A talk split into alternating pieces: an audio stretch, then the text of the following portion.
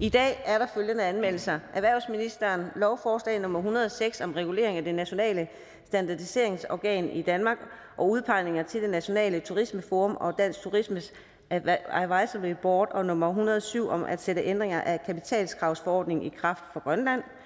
Social- og boligministeren lovforslag nummer 108 om tilskud til midlertidig huslejenedsættelse i visse almindelige boligafdelinger. Titler på de anmeldte sager vil fremgå af folketidene.dk. Medlemmer af Folketinget Peter Seier Christensen, Nye Borgerlige med flere har meddelt mig, at de ønsker at tage følgende beslutningsforslag tilbage. Forslag til folketingsbeslutning om afskaffelse af adgang til at søge spontan asyl i Danmark. Beslutningsforslag nummer 36 og forslag til folketingsbeslutning om udvisning af kriminelle udlændinge efter første dom. Beslutningsforslag nummer 37. Ønsker nogen at optage disse beslutningsforslag? Ja. Skal jeg forstå, at øh, Dansk Folkeparti ønsker dette? Ja. Det er så det, der kommer til at ske. Så går vi videre til besvarelse af oversendte spørgsmål til ministerens spørgetid. Det første spørgsmål det er til udenrigsministeren af fru Trine Patomak fra Enhedslisten. Værsgo til oplæsning af spørgsmålet. Spørgsmålet lyder, hvad mener udenrigsministeren om, at dansk militærudstyr ifølge Dagbladet Information og Danwatch har været brugt af israelsk militær i et bombetogt, der dræbte 75 børn i Gaza? Ministeren. Tak for spørgsmålet. Jeg kan indlede med at understrege, at man fra dansk side, og det gælder jo også EU, selv sagt fulgte Gaza-konflikten tæt tilbage i, i maj 2021, og efterfølgende også i august 2022, Samlet kostede kriserne over 250 mennesker livet og resulterede i endnu flere sårede, herunder børn. Øh, og både Danmark og EU sendte dengang meget klare appeller til parterne om at deeskalere situationen. Når det er sagt, så kan jeg ikke umiddelbart genkende den kobling, som spørgeren laver i øh, forhold til den omtalte artikel.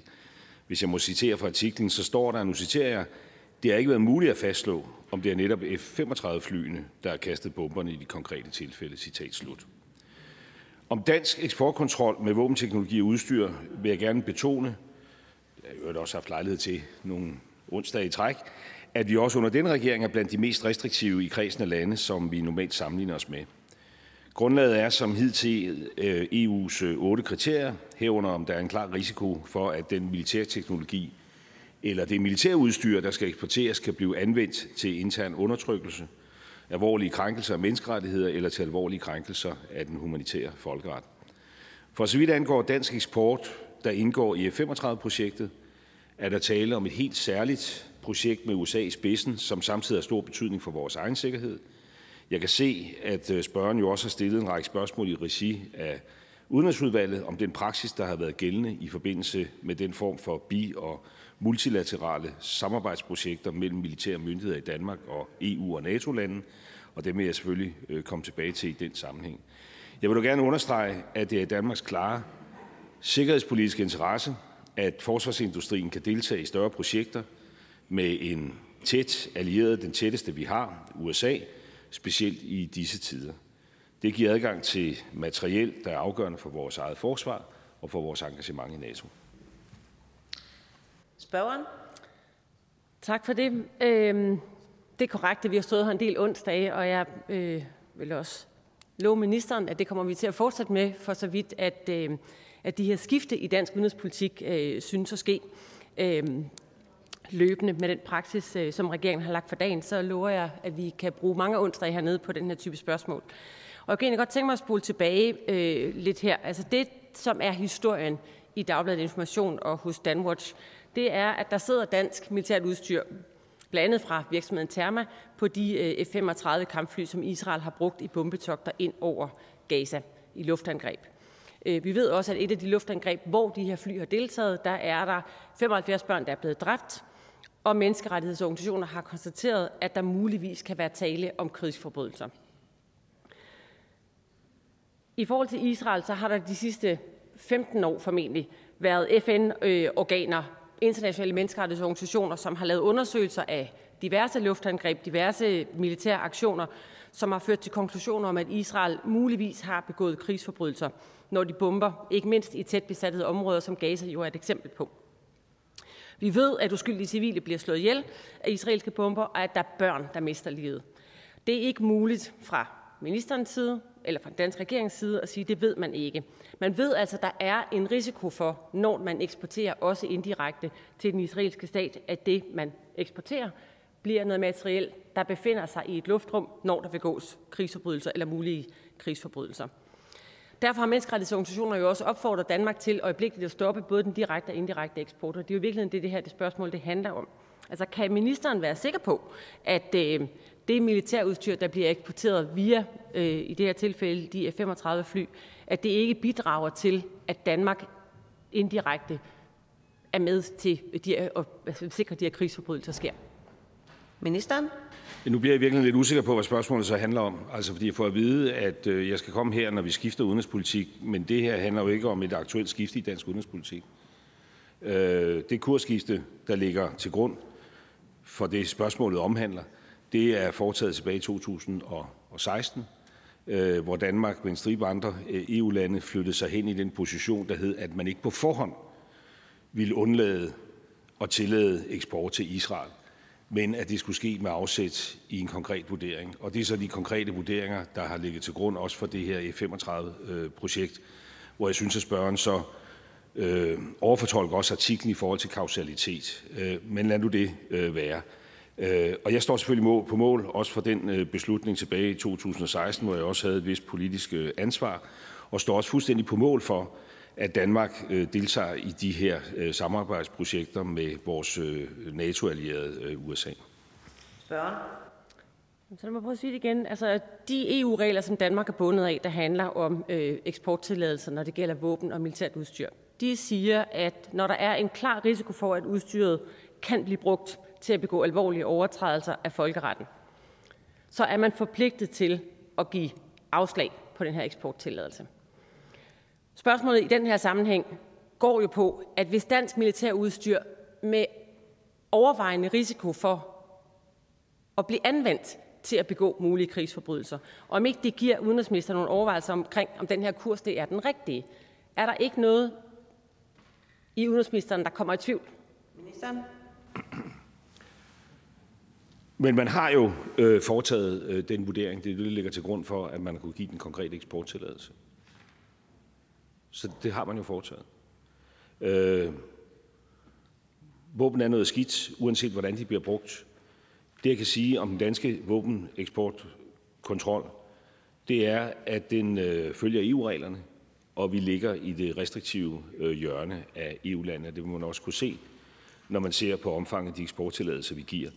Det sagt, så har vi en interesse, også en forsvarsindustriel interesse i at kunne indgå i, øh, i samarbejds, samarbejdsprojekter, der også kan være med til at sikre vores øh, egen sikkerhed. Tak. Så er det medspørger hr. Pelle Dragsted. Værsgo. Tak for det. Øh, det her det er Alla Kordum på fem år, Øh, og hun er en af de 75 øh, børn, som blev dræbt øh, under den her Gaza-offensiv øh, med en vis sandsynlighed, altså øh, fra fly øh, med danske våbendele. Og det er selvfølgelig voldsomt at tage et billede med øh, af en af offrene øh, af de her børn. Men det er jo for at gøre det konkret og manifest, hvad det her handler om. At det handler om civile børn, som bliver dræbt i det, der formentlig er krigsforbrydelser. Øhm, med en sandsynlighed for, at det er med danske våbendele. Det er jo meget øh, trist og meget alvorligt. Udenrigsministeren siger så, at vi ved det ikke. Det fremgår også i den her informationsartikel, at det er ikke helt sikkert, om det er danske våbendele. Så mit spørgsmål vil være, hvis det viser sig, at det er for fly med danske våbendele i det her tilfælde, eller i fremtiden, vil det så betyde, at Danmark stopper sin praksis med at eksportere via USA eller andre lande til Israel? Tak. Rekvisitter og billeder og lignende plejer vi ikke at anvende i Folketingssalen. Det er det talte ord. Ministeren? Men de talte ord kan jo også være illustrativt, og jeg så også godt illustrationen, og det er jo helt rigtigt, at det er jo meget konkret og manifest, men det er jo også at trække en kausalitet, som ikke nødvendigvis er der. Det er det. Jeg kan stå på mål for den våbeneksportkontrolordning, vi har, og i det konkrete står jeg altså på mål for nogle, nogle tidligere beslutninger, øh, der hviler på et kursskifte i 2016. Øh, og det er klart, at i forhold til udøvelse af våbenkontrol fremadrettet, der vil det gælde det samme som alle mulige andre øh, erfaringer, man gør sig i livet, at der må man også tage fare, hvad hedder det, fare, farve af de erfaringer, man, man, man drager sig. Men vores våbenkontrol, foregår med afsæt i otte kriterier, som er gældende i EU, og som vi har en restriktiv tilgang til. Medspørgerne. Øh, tak for det, og de øh, kriterier er selvfølgelig årsagen til, at vi øh, stiller de her spørgsmål i dag, fordi hvis det er tilfældet, at, at man kan have en, hvis der er en klar risiko, formuleres det, for at det her bliver brugt til at foretage alvorlige overgreb, så har vi en pligt til at ikke gennemføre det her, det her eksport. Og derfor vil jeg gerne gentage mit spørgsmål, for jeg synes ikke, jeg fik et klart svar. Hvis at der kommer beviser for, at danske våbendele har været brugt i fly, der har bombet børn som er Allah i, øh, i, øh, i Gaza, eller på anden vis øh, blevet brugt til krigsforbrydelser, vil det så betyde, at Danmark stopper sin indirekte eller direkte våbeneksport til Israel? Ministeren.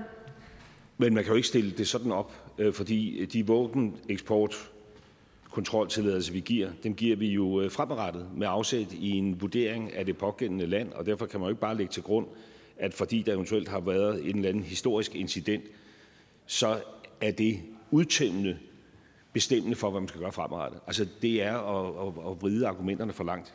Jeg kan sige, at øh, vores tilgang til det, øh, og det gælder også i forhold til Israel, at der er jo en, der handler om at Øh, kan man sige, situationen på landjorden. Altså uanset hvis våben, der bliver brugt, så skal vi forholde os kritisk til det og tage afstand. Og så er der spørgsmål om dansk eksport. Og dansk eksport, den foregår med afsæt i de kendte kriterier på linje med alle mulige andre øh, EU-lande, og endda på en måde, hvor man må sige, at Danmark skriver sig ind i det mest restriktive hjørne af EU-landene. Tak, så er det spørgeren.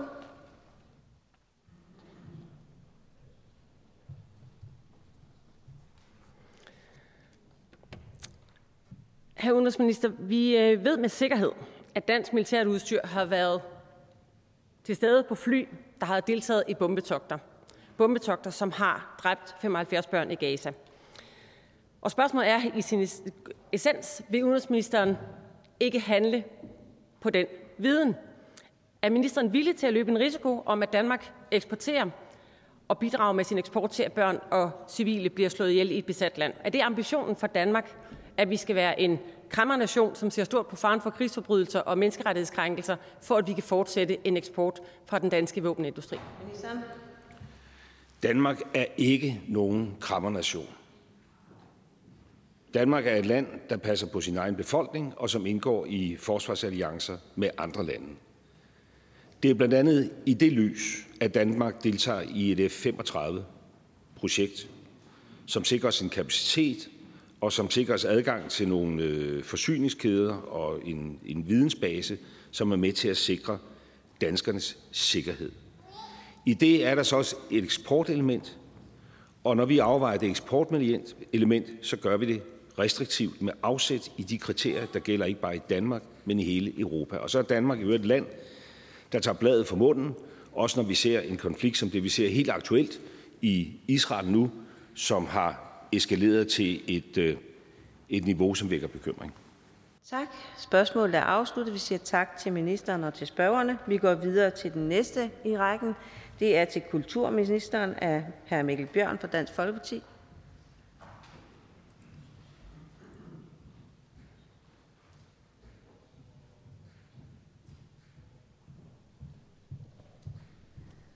til oplæsning af spørgsmålet. Tak for det. Jamen, øh, jeg vil godt bede øh, kulturministeren tilkendegive sin holdning til øh, udtalelserne fra den øh, nyudnævnte redaktionschef på Danmarks Radios P3, Isabella Hinkær, om at Danmarks Radio skal påtage sig et ansvar for at ændre verden og agere som en form for aktivistisk udbyder af public service ydelser. Tak for det. Ministeren. Tak for spørgsmålet, og tak til ordføreren for et rigtig hyggeligt møde i Kulturministeriet i går. Det var en fornøjelse. Jeg håber, det er det første af, af flere. I Danmark har vi jo et øh, sundt princip om øh, politisk armslængde til vores public service institutioner. En armslængde, som vi holder i hævd, nyder og i øvrigt også forsvarer i europæisk skala, hvor jeg ved, at øh, forslags- eller spørgsmålstillerens parti er enig i den holdning, regeringen har lagt til blandt andet Media Freedom Act, som jo i rammeprincippet er en, en en god tilgang, men jo også vil, hvis den vedtages på europæisk plan, øh, udfordre den public service model, vi har i Danmark, som vi jo netop skatter så højt, fordi at der er forskel på, hvad man som politiker øh, kan blande sig i, når man har været med til på vegne af skatteborgerne at sige og nedfælde. Øh, en institution, der varetager public service. Og derfor er det ikke min opgave, men derimod en opgave for DR's ledelse at sørge for, at man lever op til den public service kontrakt, som øh, DR jo har med Kulturministeriet, øh, de forpligtelser, man har over for landets skatteborgere, og de forpligtelser, man har til at gengive virkeligheden ud for de kriterier om objektivitet og saglighed, der også er nedfældet i den her public service kontrakt. Derudover føler jeg øh, trang til også at nævne, at DR jo er en public service organisation, der er ledet af en bestyrelse, hvor flere medlemmer er udpeget af Folketingets partier, øhm, herunder også et medlem af Dansk Folkeparti.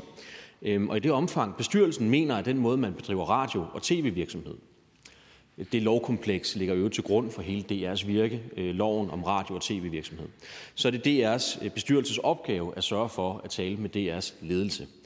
Og for at konkludere mit svar på spørgsmålet, så øh, lige så meget som jeg kunne have lyst til at mene alt muligt om, hvordan DR bedriver deres virksomhed, så er det min opgave som kulturminister at sikre, at den public service model, vi har, er i huholdt i forhold til den armslængde, som, som det, det hører sig og bør sig øh, med den slags organisation. Tak. Spørgeren? Jamen, jeg kan da oplyse ministeren om, at Dansk Folkepartis øh, repræsentant i Danmarks Radiobestyrelse netop øh, har ytret ønsker om at tage det her op. Øh, men, men derfor synes jeg stadig, det er ansvarsfralæggelse af ministeren at sige, at jamen, det er bare Danmarks Radios ledelse. Altså når vi har øh, ledelsesansvar, når vi har en public service kontrakt med Danmarks Radio, så er det jo en kontrakt, som vi som politiske øh, magthavere har et ansvar for at sikre øh, bliver overholdt. Øh, og, og særligt kulturministeren som, som repræsentant for, øh, for øh, den øh, hvad skal man sige, øverste ansvarshavende i forhold til den øh, institution. Øh, så, så jeg synes, at ministeren øh, frelægger sig lidt ansvar, og i stedet for burde kommentere på, øh, det kan godt være, at han ikke vil ind i den konkrete sag, men mener han helt generelt, at Danmarks, øh, Danmarks Radio som skatteyderfinansieret mediemastodont skal agere som politisk aktør i alle mulige forskellige spørgsmål, hvad end det handler om udlændingepolitik eller ligestilling eller øh, klima eller noget helt tredje. Fordi det er jo det, som den her øh, nye redaktionschef for P3 rent faktisk giver udtryk for, nemlig at Danmarks Radio skal agere som politisk aktør øh, for, øh, som repræsentant for en neutral, øh, neutral, hævdet neutral politisk mediemastodont for skatteyder finansieret penge. Det, øh, det kunne jeg godt tænke mig ministerens kommentar på. Ministeren? Altså, jeg mener ikke, at Dansk Folkeparti, som ordføreren ansyder, skal være en slags meningsmaskine. Røv, ikke Dansk Folkeparti, det er undskyld. Danmarks Radio skal være en slags politisk meningsmaskine, der skal tage stilling til, hvad der er politisk korrekt og hvad der er politisk forkert. Det må man gerne gøre i Dansk Folkeparti til gengæld, øh, ligesom man gør i Moderaterne og alle andre af tingets partier.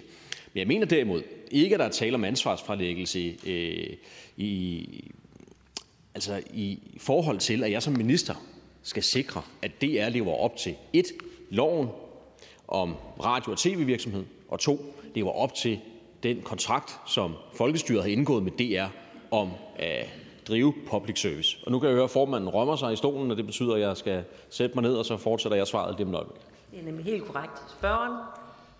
Jamen, jeg er fuldstændig enig øh, med ministeren i, at Danmarks Radio ikke skal agere som meningsmaskine. Øh, og derfor så undrer det mig, at vi har en, ny redaktionschef for P3 her, der rent faktisk giver udtryk for, at det er det, hun ønsker, at Danmarks Radio skal. Jeg har selv deltaget i debatter på sociale medier med øh, repræsentanter for Danmarks Radio inde på både DR3 og P3's Facebook-sider, hvor at de har siddet som repræsentanter for de konkrete kanaler og givet udtryk for politiske synspunkter og debatteret med mig som politiker. Det er det, jeg beder ministeren kommentere på. Vi har tale om et medie, der bliver finansieret for skatteydernes penge her. Derfor må ministeren også tage ansvar for, at de agerer som neutral øh, repræsentant i overensstemmelse med public service-kontrakten. om at gøre andet end at leve op til mit ansvar, og det er netop derfor, jeg står her i dag. I loven om radio- og fjernsynsvirksomhed står der, at public service medier skal tilstræbe kvalitet, alsidighed, mangfoldighed i deres indhold, og at de skal lægge vægt på saglighed og upartiskhed i deres formidling. Øhm, men det synes jeg er nogle ret fornuftige principper. Og som sagt er det DR's bestyrelse, der har det overordnede ansvar for, at DR's indhold efterlever principperne i lovgivningen. Og derfor kan der jo ikke, øh, herr Bjørn, være tale om ansvarsfralæggelse fra min side, når jeg blot observerer præcis det, vi har skrevet i lovgivningen ord for ord. Hvis det skulle være sådan så, at P3's nye chef begynder at politisere i sit virke, så antager jeg, at DR's ledelse i første omgang griber ind, og at DR's bestyrelse i næste omgang griber ind. Men det er jo ikke det, vi har været vidne til. Øh, spørgsmålet her er foranledet af, at øh, den nye chef har sagt en række, øh, givet udtryk for en række holdninger, men ikke effektueret nogle af dem endnu. Så er det spørgeren. Vi, øh, ja, det står i public service-kontrakten, at Danmarks Radio skal være både alsidig og neutral. Og det har vi tale om her. En, øh, og, ja, nej, grundlæggende så kunne jeg egentlig godt tænke mig at tage fat i, ministeren siger, at det er DR's eget ansvar at leve op til det her. Øh, så vil jeg sige, at man indgår en kontrakt fra statens side med Danmarks Radio, men det er DR selv, der skal øh, sørge for at overholde den. Og hvis de ikke overholder den, jamen, så er der ikke nogen konsekvenser overhovedet. Så man kan som øh, politisk mediemastodon for skatteyderfinansierede midler øh, sidde og udbrede sig om politik i alle mulige forskellige hensener, uden at øh, vi som øh, folkevalgte, der har vedtaget det her, øh, opbakning til det her, den her institution, kan skride ind og gøre noget ved det. Ministeren. Nu er øh, ordføreren jo en dygtig retoriker, men vi sprang simpelthen lige et enkelt trin eller to over på vej mod den konklusion, som ordføreren lige drog. Fordi i det øjeblik, at DR ikke lever op til public service kontrakt, så bliver det jo en sag for mig som kulturminister og for Folketingets partier og de partier, der måtte være bag et medieforlig. Jeg siger blot i al stilfærdighed, at jeg har hørt en kommende chef på B3 udtale sig om, at det er vigtigt at lave objektive nyheder, men også, at hun har nogle syn på verden. Jeg mangler at se, hvordan det bliver oversat i radionyhederne og i radiodækningen. I det øjeblik, at det ikke lever op til, hvad man har skrevet i kontrakten, så er det første skridt, at det er selvfølgelig selv forholder sig til det. Næste skridt, at bestyrelsen griber ind. Tredje skridt, at vi fra politisk hold øh, går videre hertil. Men med al respekt, så er det jo ikke dertil, vi er nået endnu. Spørgsmålet er afsluttet, men herrene får øh, lov til en runde mere. Og øh, der er meget på hjertet, så øh, værsgo til oplæsning af spørgsmålet, hr. Mikkel Bjørn. Jamen, øh, jeg vil i forlængelse af det forrige spørgsmål godt øh, bede ministeren øh, tilkendegive, om øh, det er regeringens prioritet at sikre, at Danmarks Radio opfylder den alsidsforpligtelse, vi netop har talt om, og opretholder en politisk neutral og upartisk dækning af nyheder og debatter. Ministeren. Jamen, det kan jeg bekræfte og svare klart ja til. Vores public service medier skal levere objektive nyheder, fremstille begge sider af komplicerede argumenter, sørge for at informere danskerne så godt som det overhovedet er muligt, sørge for at være alsidige i deres dækning, neutrale og objektive, og i øvrigt også øh, have en bred variation af programmer, der kan interessere den brede befolkning. I det øjeblik, at public service medier ikke lever op til de forpligtelser, man i kontrakterne med dem har indgået og aftalt, så øh, bliver det en sag først for de pågældende mediers ledelse og bestyrelser, og dernæst for et politisk niveau. Tak, spørgeren. Jamen det er da positivt at høre, at det er regeringens prioritet. Jeg mangler så bare at høre fra ministeren, hvad det så er, regeringen har tænkt sig at gøre for at sikre, at Danmarks Radio overholder den alsidighedsforpligtelse, øh, vi, har, vi taler om her. Øhm, og så nævner ministeren det her med, at øh, Danmarks Radio er forpligtet på at høre begge sider. Altså jævnfør det, det forrige spørgsmål, så havde vi jo netop tale om en repræsentant for Danmarks Radio her, der siger, at det er faktisk ikke nødvendigt at høre fra begge sider, fordi der er nogle spørgsmål, der er hævet over, hvad skal man sige, det, at man skal lytte til andre, øh, andre menneskers synspunkter. Der er nogle sandheder, der er så store, eksempelvis øh, feminisme og ligestillingsdagsorden, det kunne også være klimadagsorden. Den, den sandhed, sandhed omkring, hvad der er rigtigt og forkert i den dagsorden, den er så stor, at det behøver vi faktisk ikke som øh, skatteyderfinansieret medie at forholde os til. Vi kan bare øh, nøjes med at række mikrofonen frem til den ene repræsentant, øh, og ikke den anden. Det, det er det, jeg beder ministeren kommentere på her. Ministeren. Jeg havde jo den store fornøjelse af at være til stede i studiet hos Clemen Kærsgaard i akkurat, da P3's nye chef kom med de her udtalelser. Øhm, og der er jo frihed til at fortolke udtalelserne, som man ønsker. Men den opfattelse, jeg gik fra radiostudiet med, var, at budskabet sådan set mere drejet sig om, at hvis man har en radioudsendelse, hvor nogen påstår, at vand er vådt, og andre siger, at det ikke er, så er det en objektiv sandhed, at vand er vådt. Altså, det, det synes jeg ikke, der er grund til at stille spørgsmålstegn ved. Jeg synes også, at det er i orden, at public service medie gør opmærksom på, at naturfænomener, som at jorden ikke er flad, jorden er rund, naturligvis ikke er til debat. I det øjeblik, og der vil jeg så øh, give ordføreren øh, ret, i det øjeblik, der måtte være tale om en politisering på et niveau, hvor sandheden ikke er objektiv, hvor der kan debatteres, hvor der er forskellige politiske synspunkter, der er til stede her i Folketingssalen, så vil man selvfølgelig som public service medie have et problem, hvis ikke man dækker begge sider af en objektiv sandhed eller et objektivt argument. Og i det øjeblik, den situation måtte forekomme, der er det jo bestyrelsen, ledelsen og hernæst det politiske niveau må gribe ind. Og har ordføreren observeret en række af Minister? sådan nogle situationer? Taletiden skal overholdes. Naturligvis. Undskyld formand. Ja. Øh, spørgeren. Tak for det. Øh, jamen, øh, der er jo ikke tale om en øh, person her, der mener, at vand er vådt. Det kan vi hurtigt blive enige om. Vi, men, vi har at gøre med en person, der helt konkret har nogle meget vidtrækkende holdninger på ligestillingsområdet, på klimaområdet, og som mener, at de synspunkter, de er udtryk for en eller anden form for objektiv sandhed, som vi ikke behøver at stille spørgsmålstegn ved. Altså, vi har lige haft en uh, kvindernes internationale kampdag, hvor utrolig mange organisationer var ude at sige, at der er 15 procents lønforskel på mænd og kvinder, og hele den lønforskel skyldes diskrimination. Det er en af de sandheder, eksempelvis, som man kunne tænke sig, at den her person, øh, den her repræsentant for Danmark Radio, mener er objektiv. Mener ministeren også det, eller mener han, at det faktisk er noget, der bør kunne diskuteres på et, uh, på et savligt grundlag? Ministeren?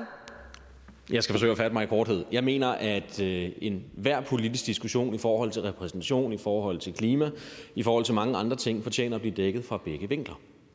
Og jeg har nu ikke oplevet, at DR, eller for den sags skyld P3, ikke har gjort det endnu. Det jeg forsøgte at sige før, og nu skal jeg gøre det kort, var, at hvis Dansk Folkeparti's medlemmer af Folketinget, eller ordføreren øh, har eksempler på, at øh, DR's dækning strider mod øh, de principper, der ligger bag public service-forpligtelsen og kontrakten, så er min dør i Kulturministeriet altid åbent, og det vil jeg selvfølgelig øh, diskutere med alt det alvor, øh, en sådan sag måtte påkalde sig. Spørgeren.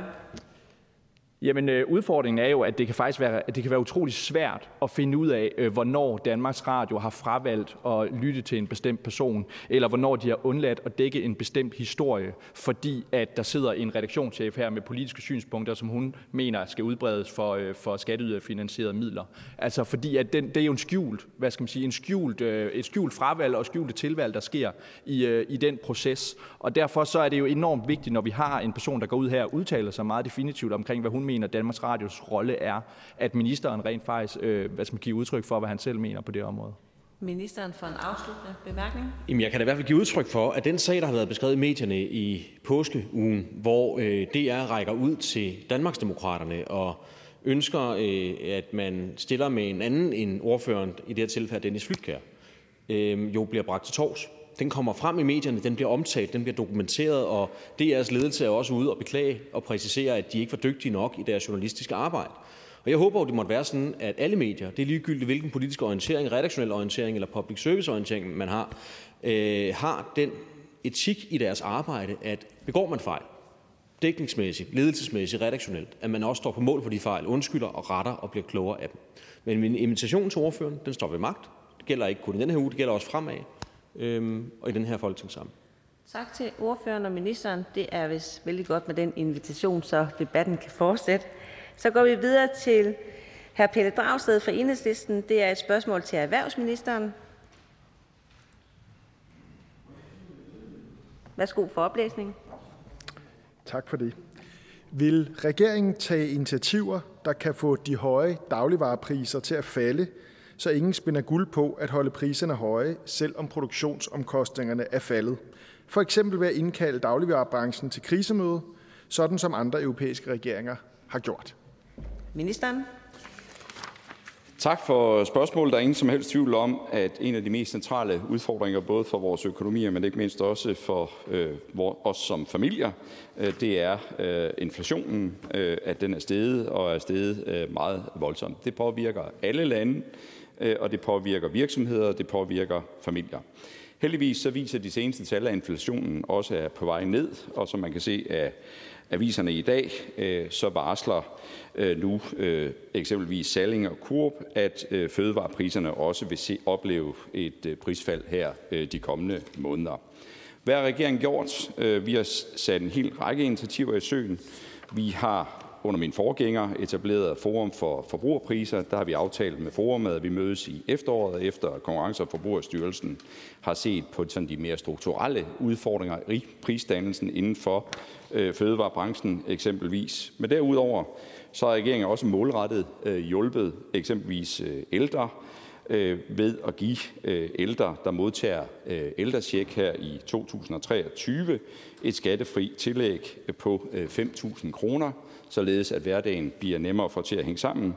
Det er en gruppe. En anden gruppe er øh, de, som har de højeste medicinudgifter, har vi lavet en aftale med Folketingets partier, et bredt øh, flertal her i Folketinget, som betyder, at dem med de højeste medicinudgifter kan se frem til, at de reduceres med ca. 1.360 kroner også i 2023 folkepensionisterne der vil være ca. 290.000, som vil modtage det ekstra tilskud via ældrechecken, øh, og for dem med de højeste medicinudgifter vil der være ca. 2.200 børn, og hvad der cirka også er ca. 200.000 voksne, som så får øh, en ekstra håndsrækning til den udfordring, som alle er enige i, der er med inflationen, som eksempelvis påvirker fødevarepriserne. Det er desværre aftaler, som enhedslisten ikke var med i. Det er jeg ked af. Det plejer at være synspunkter, som enhedslisten deler. Regeringen arbejder videre, eksempelvis med, når, med det arbejde, som Konkurrence- og Forbrugerstyrelsen præsenterer for vores forum for øh, forbrugerpriser, hvor vi skal se som sagt på de større og mere strukturelle udfordringer i fødevarepriserne. Tak for det. Øh, det er udmærket, at man hjælper nogle øh, målrettede grupper. Der er også rigtig mange, man ikke hjælper. Førtidspensionister, mange andre øh, modtagere af overførselsindkomster, lavt lønnede, deltidsarbejdende. Der er mange grupper, som øh, hele befolkningen bliver ramt af de her stigende priser. Og det, som det her spørgsmål handler om, er jo ikke, øh, øh om så må sige, øh, håndører fra staten. Det handler om, om der sidder nogen ude i dagligvarerbranchen og skummer fløden på de høje priser. Fordi det, vi har set, det er jo, at råvarepriserne er faldet, energipriserne er faldet markant. Det var jo argumenterne for at supermarkederne og fødevareproducenterne satte priserne op, da inflationen ramte, det var jo, at deres omkostninger steg. Det accepterede vi som forbrugere. Så gik man ind med hjælpepakker og andet. Men det vi ser nu, det er jo, at forklaringen for, at priserne er høje, er væk. Alligevel ser vi ikke et fald i fødevarepriserne ude i, øh, ude i supermarkederne. Så når almindelige mennesker, hårdarbejdende danskere, skal ned og købe deres dagligvarer, så betaler de stadig samme høje priser. I en lang række andre lande i Europa, der er man gået grebet håndfast ind i forhold til det. Man sidder ikke på hænderne, sådan som den danske regering gør. I Frankrig har man indkaldt branchen til et krisemøde. Man har fået indgået en frivillig aftale, der ifølge øh, finansministeren dernede vil koste øh, branchen øh, Øh, millioner af euro, som altså vil blive overført, om man så må sige, til borgernes lommer, fordi de er tvunget til at sænke priserne. I Sverige har en borgerlig finansminister netop indkaldt supermarkedsgiganterne til et krisemøde og kræver, at priserne bliver sat ned. I Norge har man i gang sat undersøgelser. Men herhjemme, der lader man hårdarbejdende danskere blive ved med at betale unaturligt høje priser, for at nogen et sted kan skumme fløden. Hvorfor handler regeringen ikke aktivt, ligesom andre europæiske lande? Ministeren. Jeg har fuld forståelse for øh, enhedslistens øh, forsøg på kampretorik i den her sag. Det er helt fair. Øh, jeg tror ikke, at øh, de folkepensionister, som får 5.000 skattefri kroner nu her i 2023, de betragter det som håndører for staten. Ej heller dem, som har de højeste medicinudgifter, som får et væsentligt bidrag til at få bragt dem ned i 2023. Det er jo penge, om man vil, i hånden til at klare sig bedre gennem øh, supermarkedet. Og det synes jeg, at ordføreren trods alt øh, bør anerkende. Det er i hvert fald sådan, enhedslisten tidligere har tænkt. Øh, det kan være, at man har ændret det. Men det er jo penge i hånden. Det er det ene, vi gør. Øh, det andet, vi gør, det er, at vi har bedt vores øh, konkurrence- og forbrugerstyrelse efter en aftale med vores, øh, som sagt, forum for forbrugerpriser, om at kigge på de mere strukturelle betingelser i prisdannelsen, eksempelvis når det handler om fødevarer. Så det passer simpelthen ikke, det ordføreren øh, står og siger her, at regeringen ikke gør noget. Det, der er virkeligheden, det er, at de 2,4 milliarder kroner, som et bredt flertal i Folketinget brugte på at hjælpe de familier, som har problemer som følge af inflationen, der var enhedslisten ikke med. Det er det, der er virkeligheden. Jamen, øh, jeg har øh, absolut intet imod, at man hjælper folkepensionister. Jeg synes, man skulle hjælpe folkepensionister meget mere, end man gør. Blandt andet ved at regulere deres ydelser lidt hurtigere, så ikke de sænker bagefter. Problem. Grunden til, at enhedslisten ikke var med den aftale, kender ministeren jo godt. Det var, fordi man stjal en del af pengene op af lommen på de allerfattigste danskere. Så lad os lade den ligge. Det, som det her spørgsmål handler om, er ikke statslige overførsler til borgerne. Det var egentlig bare det, jeg mente. Det handler om, sidder der nogen i fødevarebranchen, i dagligvarebranchen og skummer fløden, fordi de holder priserne unaturligt oppe. Og har regeringen tænkt sig at gøre noget ved det, eller vil man sidde på hænderne? Ministeren. Og det ved spørgeren udmærket godt, at hvis spørgeren interesserer sig for de analyser, som rent faktisk er fremlagt, øh, at det ikke er tilfældet. Øh, fordi øh, vi kan se, at de, den prisstigning, der har været som følge af inflationen og stigende energipriser i Danmark, ikke afviger fra, hvad der har været i andre europæiske lande. Det her handler om, hvordan vi hjælper. Vi hjælper ved målrettet hjælpe pensionister. Vi hjælper dem, der har de største medicinudgifter og andre med de 2,4 milliarder kroner, som vi har sat af til hjælp her i 2023. Men det er en formål at hjælpe dem, som har størst problemer som følge af den stigende inflation, som vi er enige i er et problem. Hr. Pelle Dragsted øh, har en anden vej, som han ønsker at hjælpe, og det er helt fair. Men jeg synes, der mangler en anerkendelse af, at man eksempelvis giver Øh, folkepensionister, der modtager ældrecheck nu her i 23 5.000 skattefri kroner. Så er det spørgeren. Men det anerkender jeg fuldstændig. Øh, det synes jeg er godt. Det ændrer bare ikke på det, som det her spørgsmål handler om, nemlig at der sidder nogen derude stadigvæk i fødevare- og dagligvarerbranchen og skummer fløden. Og jeg kunne høre, at øh, ministeren henviste til den undersøgelse, som Forbruger- og Konkurrencestyrelsen har lavet. Så vil jeg bare citere, hvad en ekspert på området, Henning Otte Hansen, skrev som kommentar til den rapport. Ud fra de offentlige tal, de har brugt, kan man ikke sige ret meget. Man kommer ikke nok i dybden til hverken at kunne frikende eller mistænke nogen øh, for at have overnaturlige avancer. Det er unaturligt høje priser, tror jeg, der er et eller andet sted i værdikæden. Vi har nu haft 8-9 måneder med prisfald på de globale øh, råvaremarkeder, men vi har ikke oplevet nogen prisfald længere fremme i værdikæden. Det er lige præcis det samme, man oplever i andre europæiske lande, og der handler man på det. Man sidder ikke og venter, øh, mens en branche skummer fløden på at have hånden dybt ned i lommerne på borgerne. Til en afsluttende Ja, altså, jeg tror, jeg må sige det, øh, øh, at man kan selvfølgelig gøre en hel masse kampretorik ud af det her, og det, det er jo helt forståeligt, at det skal de her onsdagsspørgsmål selvfølgelig også nogle gange udvikle sig til. Det er jeg lidt ked af i den her sammenhæng, ikke mindst fordi det passer jo simpelthen ikke, at der ikke sker noget. Altså, vi har en stor, øh, kraftig forbruger- og konkurrencestyrelse, som sidder og kigger lige nok på det her. Som laver undersøgelser, som efter aftale i det forum, som er nedsat til at kigge på forbrugerpriserne nu, ser, er der noget mere strukturelt galt her. Den undersøgelse, der er lavet, Øh, er lavet med det formål at se, var der noget, der i Danmark afveg fra, hvad jeg set i andre lande. Det er ikke tilfældet. Hvad har vi så gjort? Ja, vi har brugt 2,4 milliarder kroner på at hjælpe de familier, som er hårdest ramt. Det er jo desværre en aftale, som enhedslisten ikke var med i. Det er jeg ked af, fordi tidligere aftaler, vi har lavet med enhedslisten, har enhedslisten været med. Jeg forstår ikke, at man ikke har været trods alt valgt at bare være med i det, hvor man eksempelvis hjælper pensionister, der får ældrecheck, og dem, som har de højeste medicinudgifter. Tak. Spørgsmålet er afsluttet. Tak til ministeren og til spørgeren. Vi går videre til det næste spørgsmål, som er til beskæftigelsesministeren, er hr. Nick Zimmermann fra Dansk Folkeparti. Og værsgo til oplæsning af spørgsmålet. Tak. Mener ministeren, at danske skatteydere skal gøre imamstuderende mordere på den lukkede retspsykiatriske afdeling til millionærer, som jeg kan forstå er tilfældet med Saad Gemar, som altså har fået lov at beholde sin førtidspension under sin anbringelsesdom? Ministeren.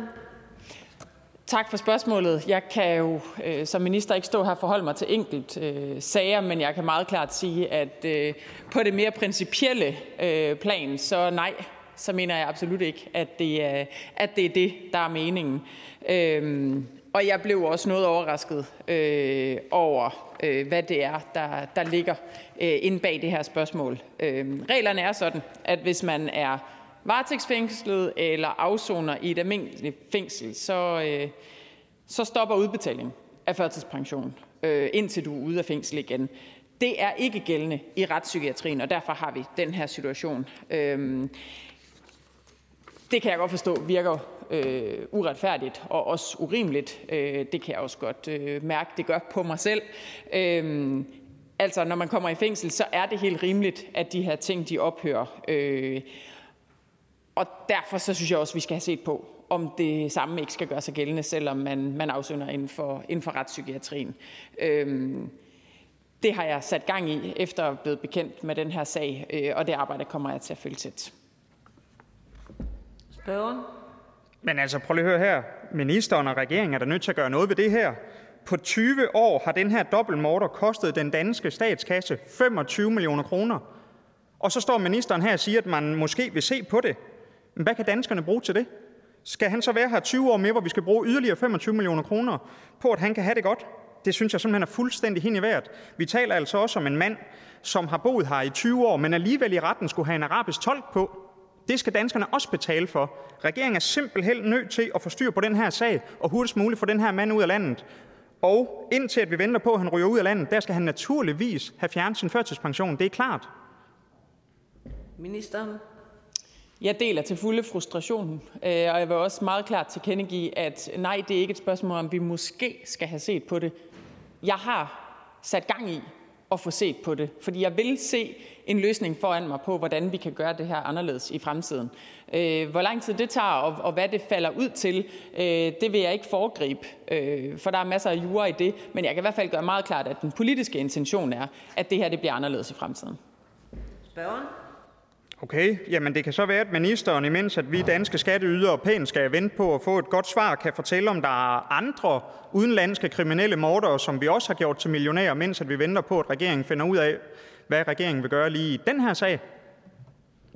Ministeren. Øh, det helt konkrete, om der er andre øh, mordere, vi har gjort til millionærer, kan jeg ikke svare på, men jeg kan oplyse, at der i 2021 var 513 personer, som enten var varetægtsfængslet eller var indlagt i retspsykiatrien som del af en behandlings- og anbringelsesdom, og ud af dem modtog, modtog 158 førtidspension.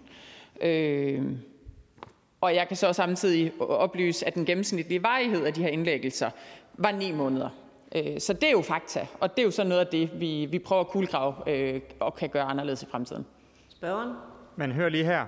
På 20 år i Danmark har den her dobbeltmorder kostet de danske skatteyder 25 millioner kroner. Han sidder og får en førtidspension, til trods for, at han har slået to danskere ihjel. Det er da fuldstændig sindssygt, at regeringen nøler sådan i den her sag. Kom der i gang. Vi må da se noget handling. Ministeren.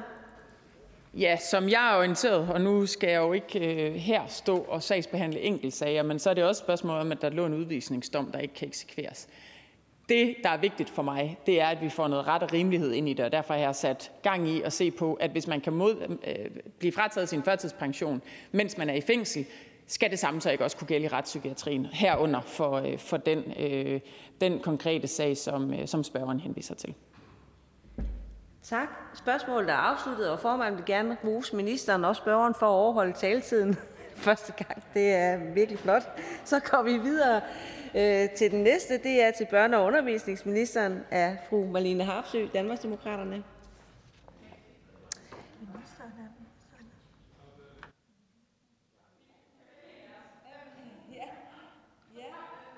Øh,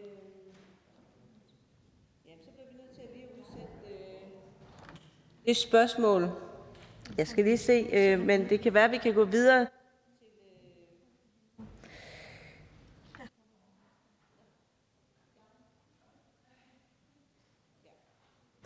Så, øh, så er ministeren på plads. Så øh, værsgo til fru Marlene Harpsø, Danmarksdemokraterne, til øh, oplæsning af spørgsmålet. Mange tak. Hvad er ministerens holdning til, at Erhvervsskolen UNOR lukker HHX, HTX og EUD Business i Helsingør, hvilket går imod regeringens ambitioner om at styrke erhvervsskolerne?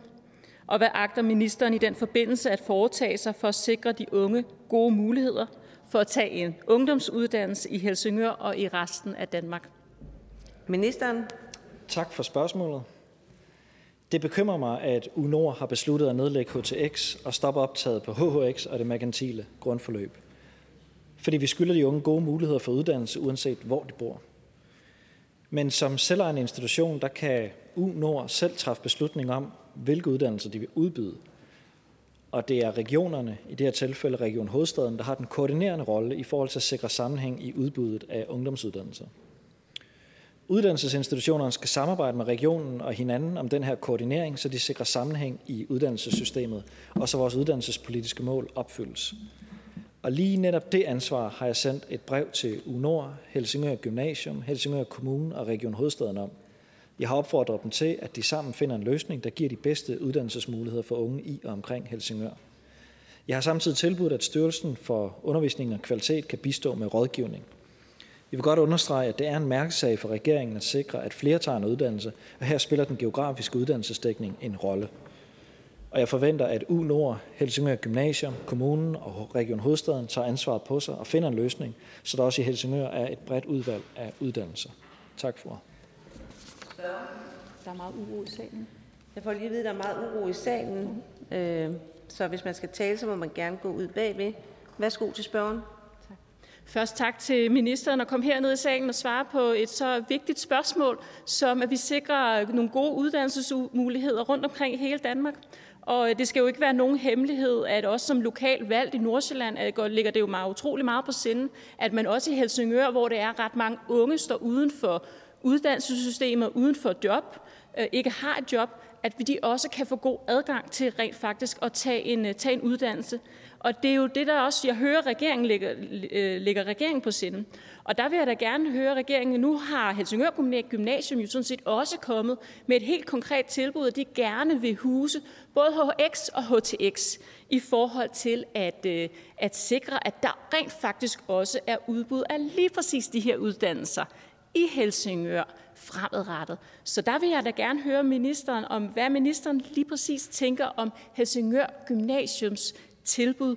Er ministeren villig til at give Helsingør Gymnasium øh, den her dispensation, så de rent faktisk kan fortsætte tilbuddet om i hvert fald to af de tre uddannelser lokalt i Helsingør? Ministeren?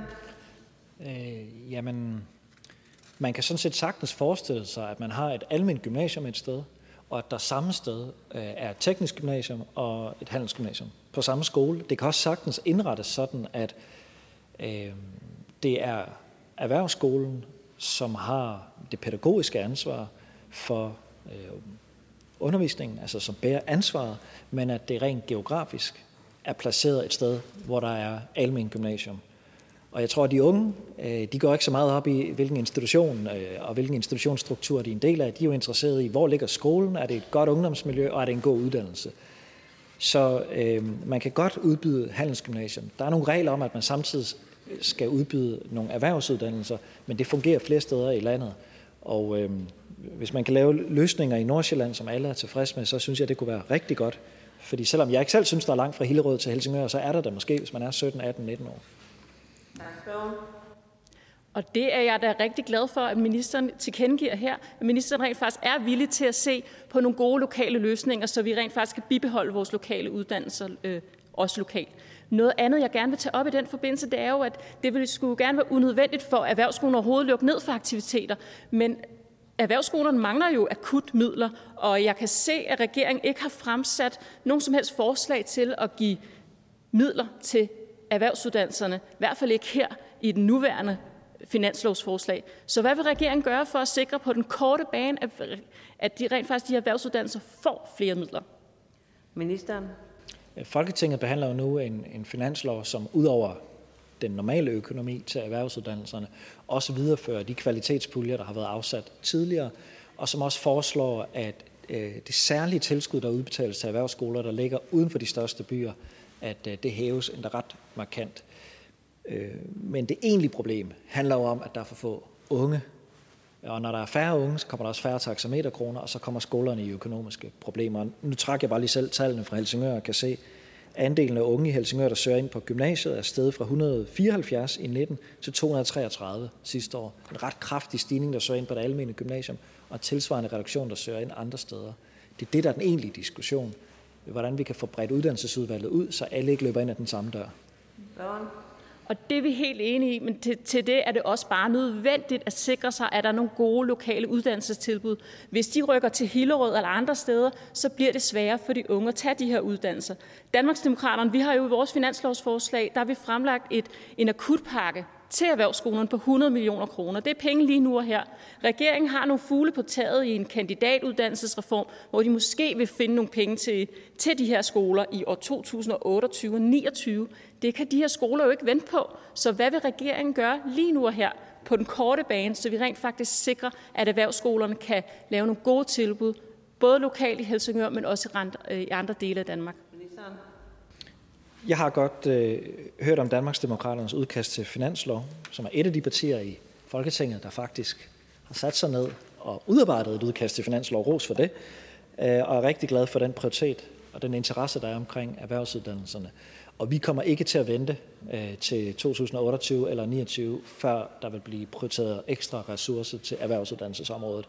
Det skal ske inden da. Og det første område, jeg forestiller mig, at vi skal tage fat i, er social- og sundhedsuddannelserne, Øh, som jo udbydes på en lang række social- og sundhedsskoler i hele landet, og øh, som egentlig er rimelig succesfulde og tiltrækker mange, men hvor vi har brug for at få uddannet mange flere, hvis vores hjemmepleje og vores ældrecentre skal hænge sammen.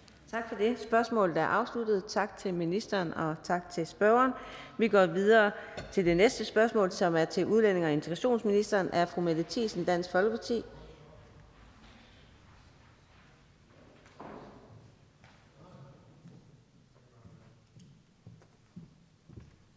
Værsgo til oplæsning af spørgsmålet. Tusind tak. Hvad er ministerens holdning til den hverdagsterror, der dagligt udføres af uintegrerede udlændinge, og er ministeren tilfreds med udviklingen, hvor fremtiden for danske børn og unge og danskerne helt generelt er udfordret, når vi igen og igen kan læse om uintegrerede udlændinge med dominerende adfærd og deres overfald på danskerne?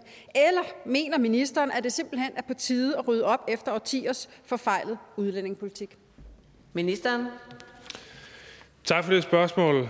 Øhm, jeg kender selvfølgelig ikke sagerne i detaljer, men generelt vil jeg sige, at der stadig er integrationsproblemer i Danmark, og det handler især selvfølgelig om unge mænd og drenge, som har indvandrerbaggrund, og som ikke deler det værdisæt, som vi i Danmark bygger vores samfund på.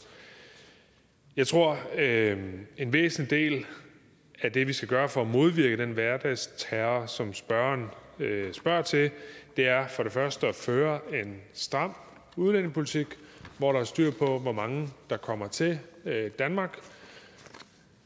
Jeg vil give spørgeren ret i, at der måske i nogle årtier har været en sløset udlændingepolitik, men jeg vil da nok mene, at vi inden for de sidste år i hvert fald har fået noget bedre styr på det.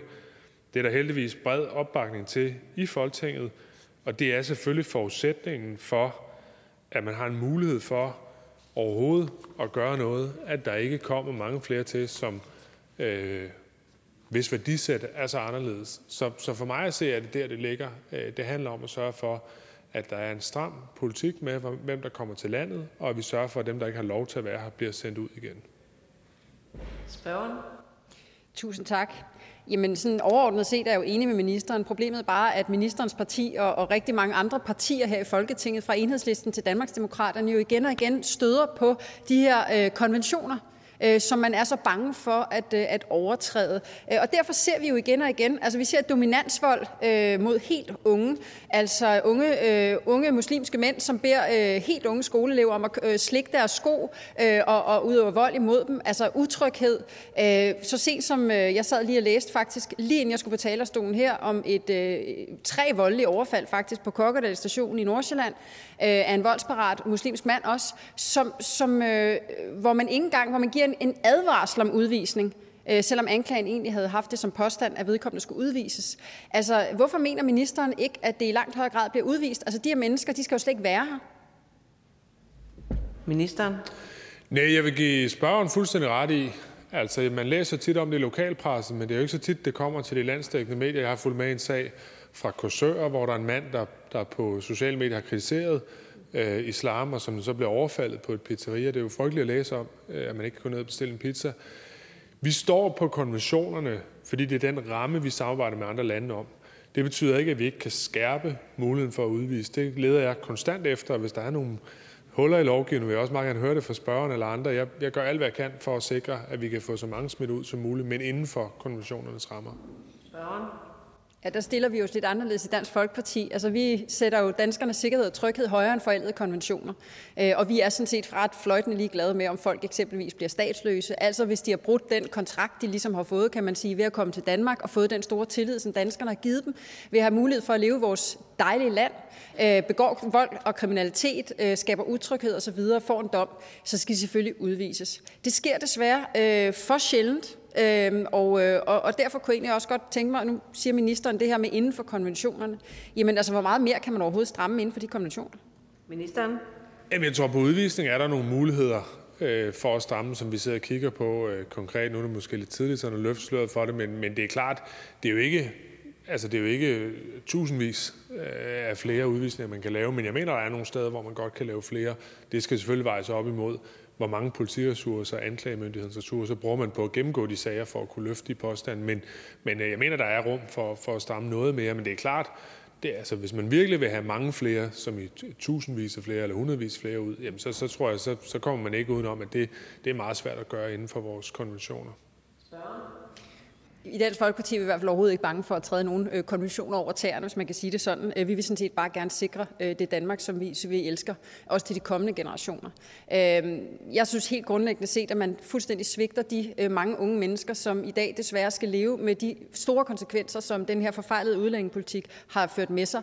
Øh, og jeg synes også, det er bedrøveligt, øh, at man øh, heller ikke i langt højere grad fratager statsborgerskabet fra dømte øh, udlændinge, altså udlændinge, der har fået tildelt dansk statsborgerskab ved lov, øh, som så begår kriminalitet, får en, en øh, eksempelvis øh, øh, ubetinget øh, frihedsstraf, hvorfor man så ikke fratager statsborgerskabet for dem og smider dem ud. Vi skal simpelthen have ryddet op i det her. Det skylder vi altså vores børn.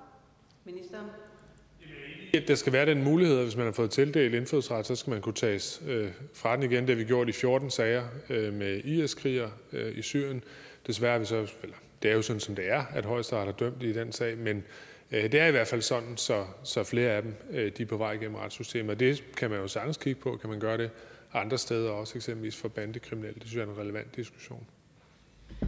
Tak til øh, ministeren og spørgeren. Spørgsmålet er afsluttet. Vi går videre til den næste, som er til udlænding og integrationsministeren, er hr. Morten Messerschmidt fra Dansk Folkeparti. Værsgo for oplæsning af spørgsmålet. Tak, formand. Hvad mener ministeren at det siger om indfødsretsaftalen, når flere af de udlændinge, der i forrige uge fik indfødsret, har et generalieblad, som ministeren er så bange for kommer til offentlighedens kendskab, at han er villig til at true med straffeloven over for en af Folketinget valgt udvalgsformand? Ministeren. Som spørgeren ved, så fremgår de nuværende retningslinjer for tildeling af dansk statsborgerskab af indfødsretsaftalen fra 21. Der stilles strenge krav til ansøgerne. Blandt andet stilles der et strengt vandelskrav, har man fået en ubetinget eller betinget fængselsstraf, så er det udelukket, og det mener jeg er fornuftigt, og det er vigtigt for mig, at man holder fast i de strenge krav. Indfødsretsaftalen indeholder også en, synes jeg, hensigtsmæssig mulighed for, at en ansøger, der ikke opfylder alle betingelser, i visse tilfælde kan blive forelagt for indfødsretsudvalget. Udvalget kan så tage konkret stilling til, om nogen forhold hos en konkret ansøger gør, at ansøgeren skal meddeles dispensation, det vil sige, at den pågældende skal optages på et lovforslag om indfødsretsmeddelelse, selvom en eller flere betingelser ikke er opfyldt. Udvalgsarbejde foregår i almindelighed i fortrolighed, ligesom de personoplysninger, der oversendes som ansøger, normalt med oversendes fortroligt til udvalget. Det er min holdning, at en person, der ansøger om dansk statsborgerskab, ikke skal være tjent med, at private oplysninger om den pågældende bliver delt i offentligheden. Det gælder også i sager om dispensation, som behandles i udvalget, hvor der blandt andet kan være tale om fortrolige oplysninger om personen. Så jeg synes, det er vigtigt, at både udvalgets arbejde og ansøgernes personlige oplysninger beskyttes, og det tror jeg egentlig ikke er så kontroversielt og jeg håber, at udvalget også vil arbejde for at sikre det fremadrettet. Spørgeren. Det var et udmærket øh, svar. Øh, desværre ikke på det spørgsmål, der blev stillet. Jeg ved ikke, om det er, fordi ministeren øh, finder spørgsmålet besværligt at besvare, eller måske bare fordi han har for travlt til selv at skrive det svar, han så vil læse op.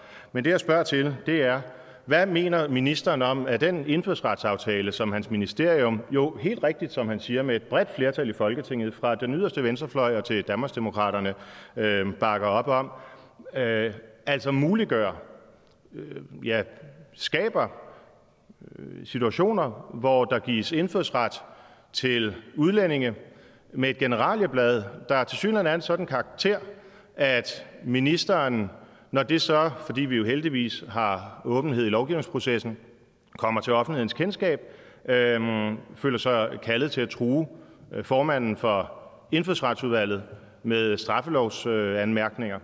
Det er jo det, der er sagen. Altså, ministeren må jo være så pinligt berørt over de mennesker, der er kommet på. Han har jo også fået pillet nogen, kan man sige, af det oprindelige forslag, så han har stillet. Så lidt selverkendelse er der dog alligevel over i systemet.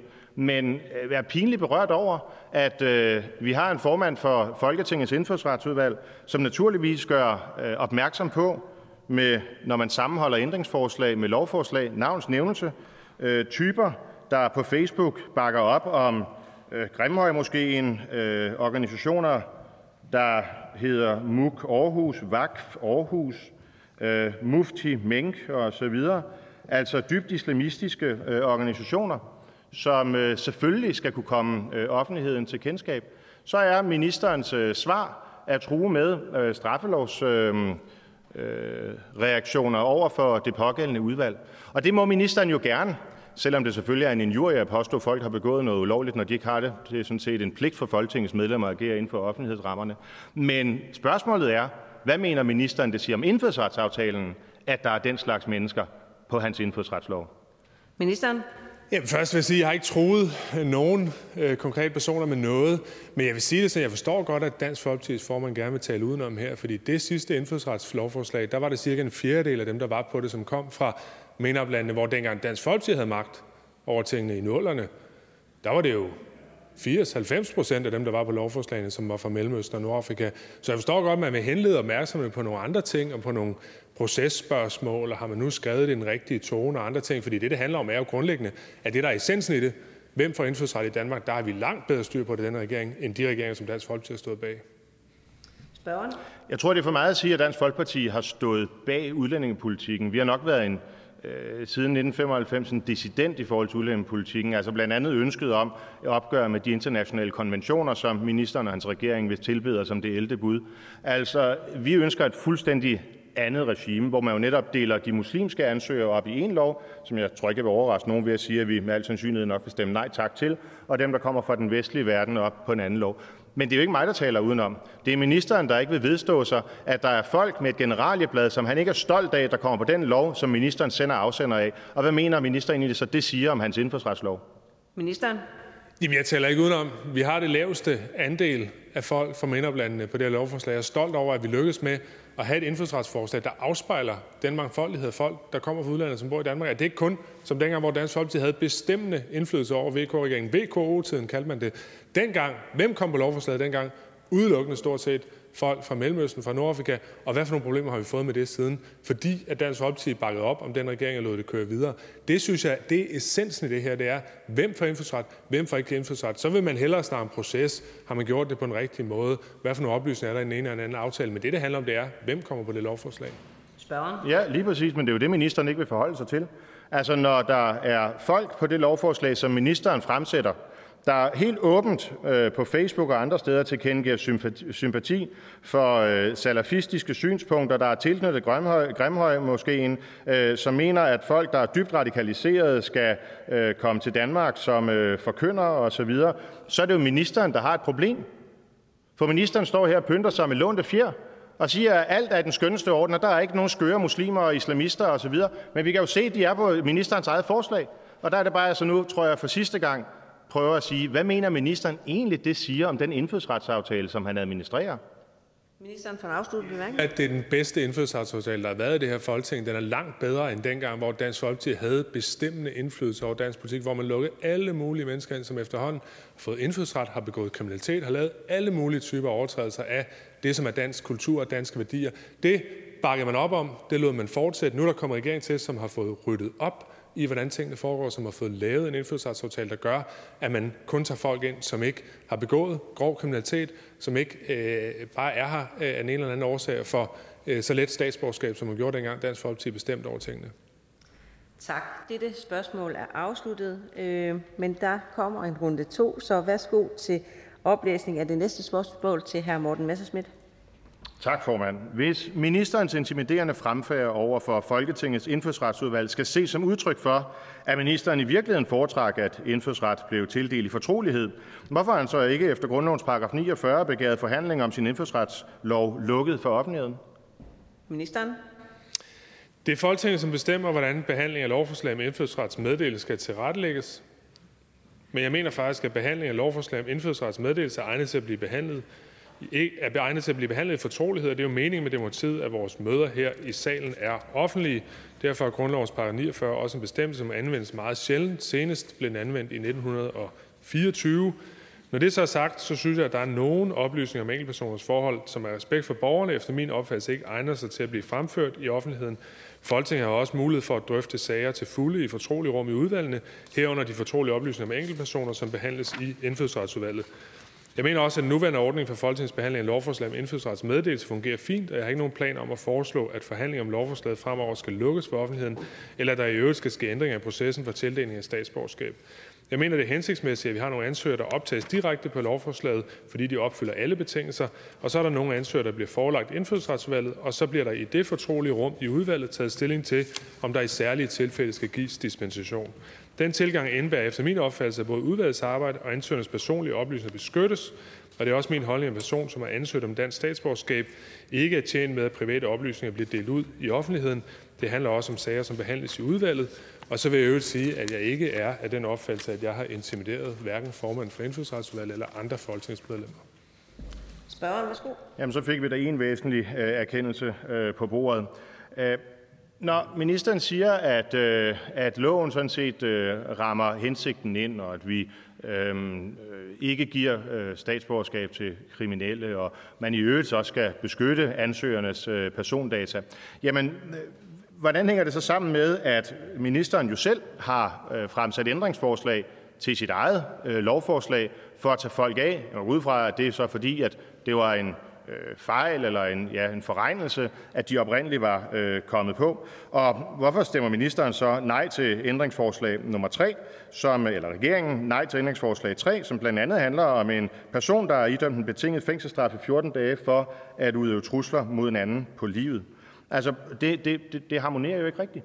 Det er det ene element i, øh, i det her. Det andet element, jamen det er, hvad skal offentligheden så egentlig have kendskab til? Fordi hvis ikke det havde været for Dansk Folkeparti, og hvis ikke det havde været, fordi Dansk Folkeparti har formandsposten i indfødsretsudvalget, så er der ingen, der vidste, at ministeren har givet øh, indfødsret, eller Folketinget på ministerens anbefaling, har givet indfødsret til en udlænding, som altså har en betinget fængselsstraf for trusler øh, på livet. Der er ikke nogen, der vil vide, at øh, folk, der er dybt infiltreret i salafistiske miljøer omkring Grimhøj-moskeen, at de nu kan kalde sig danskere og således i videst mulig omfang er beskyttet mod udvisning og har øvrigt har stemmeret til Folketinget her. Er det den slags informationer, som ministeren finder, at danskerne ikke kan håndtere at vide om hans egen lovforslag?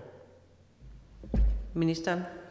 Nej, jeg mener selvfølgelig, at man skal kunne behandle det, og det er også klart nok, at indfødsretsudvalget skal have en vis øh, åben rum for at have den diskussion, men det er jo ikke sådan, så alle oplysninger, der bliver behandlet her i Folketinget, også tilgår alle folketingsmedlemmer. Vi har et udvalg for efterretningstjeneste andre steder, øh, hvor man hvor det kun er nogen folketingsmedlemmer, der får en information, og så må repræsentanterne for de partier, som sidder der jo så øh, give øh, en vurdering til resten af deres parti, og sådan vil det også være i indfødsretsvalget. Det er der intet som helst mærkeligt i. Ja, det tragiske er jo, at der nogle gange er sammenfald mellem dem, der bliver behandlet i, øh, i efterretningsudvalget, og så den, der ender på indfødsretslovforslag. Øh, Men det er jo ikke det, der er pointen, eller det er det måske især faktisk. Måske er det det, der er pointen, at danskerne selvfølgelig skal have mulighed for at kontrollere, når ministeren til ikke er, eller indfødsretsaftalens partier, ikke er mand til at løfte opgaven. Altså, de her oplysninger var ikke kommet ud, hvis ikke det havde været for Dansk Folkeparti. Og ministeren, han siger så, at han ikke intimiderer, men jeg ved ikke, hvordan det der skal forstås, når man oversender breve med henvisning til straffelovens regler.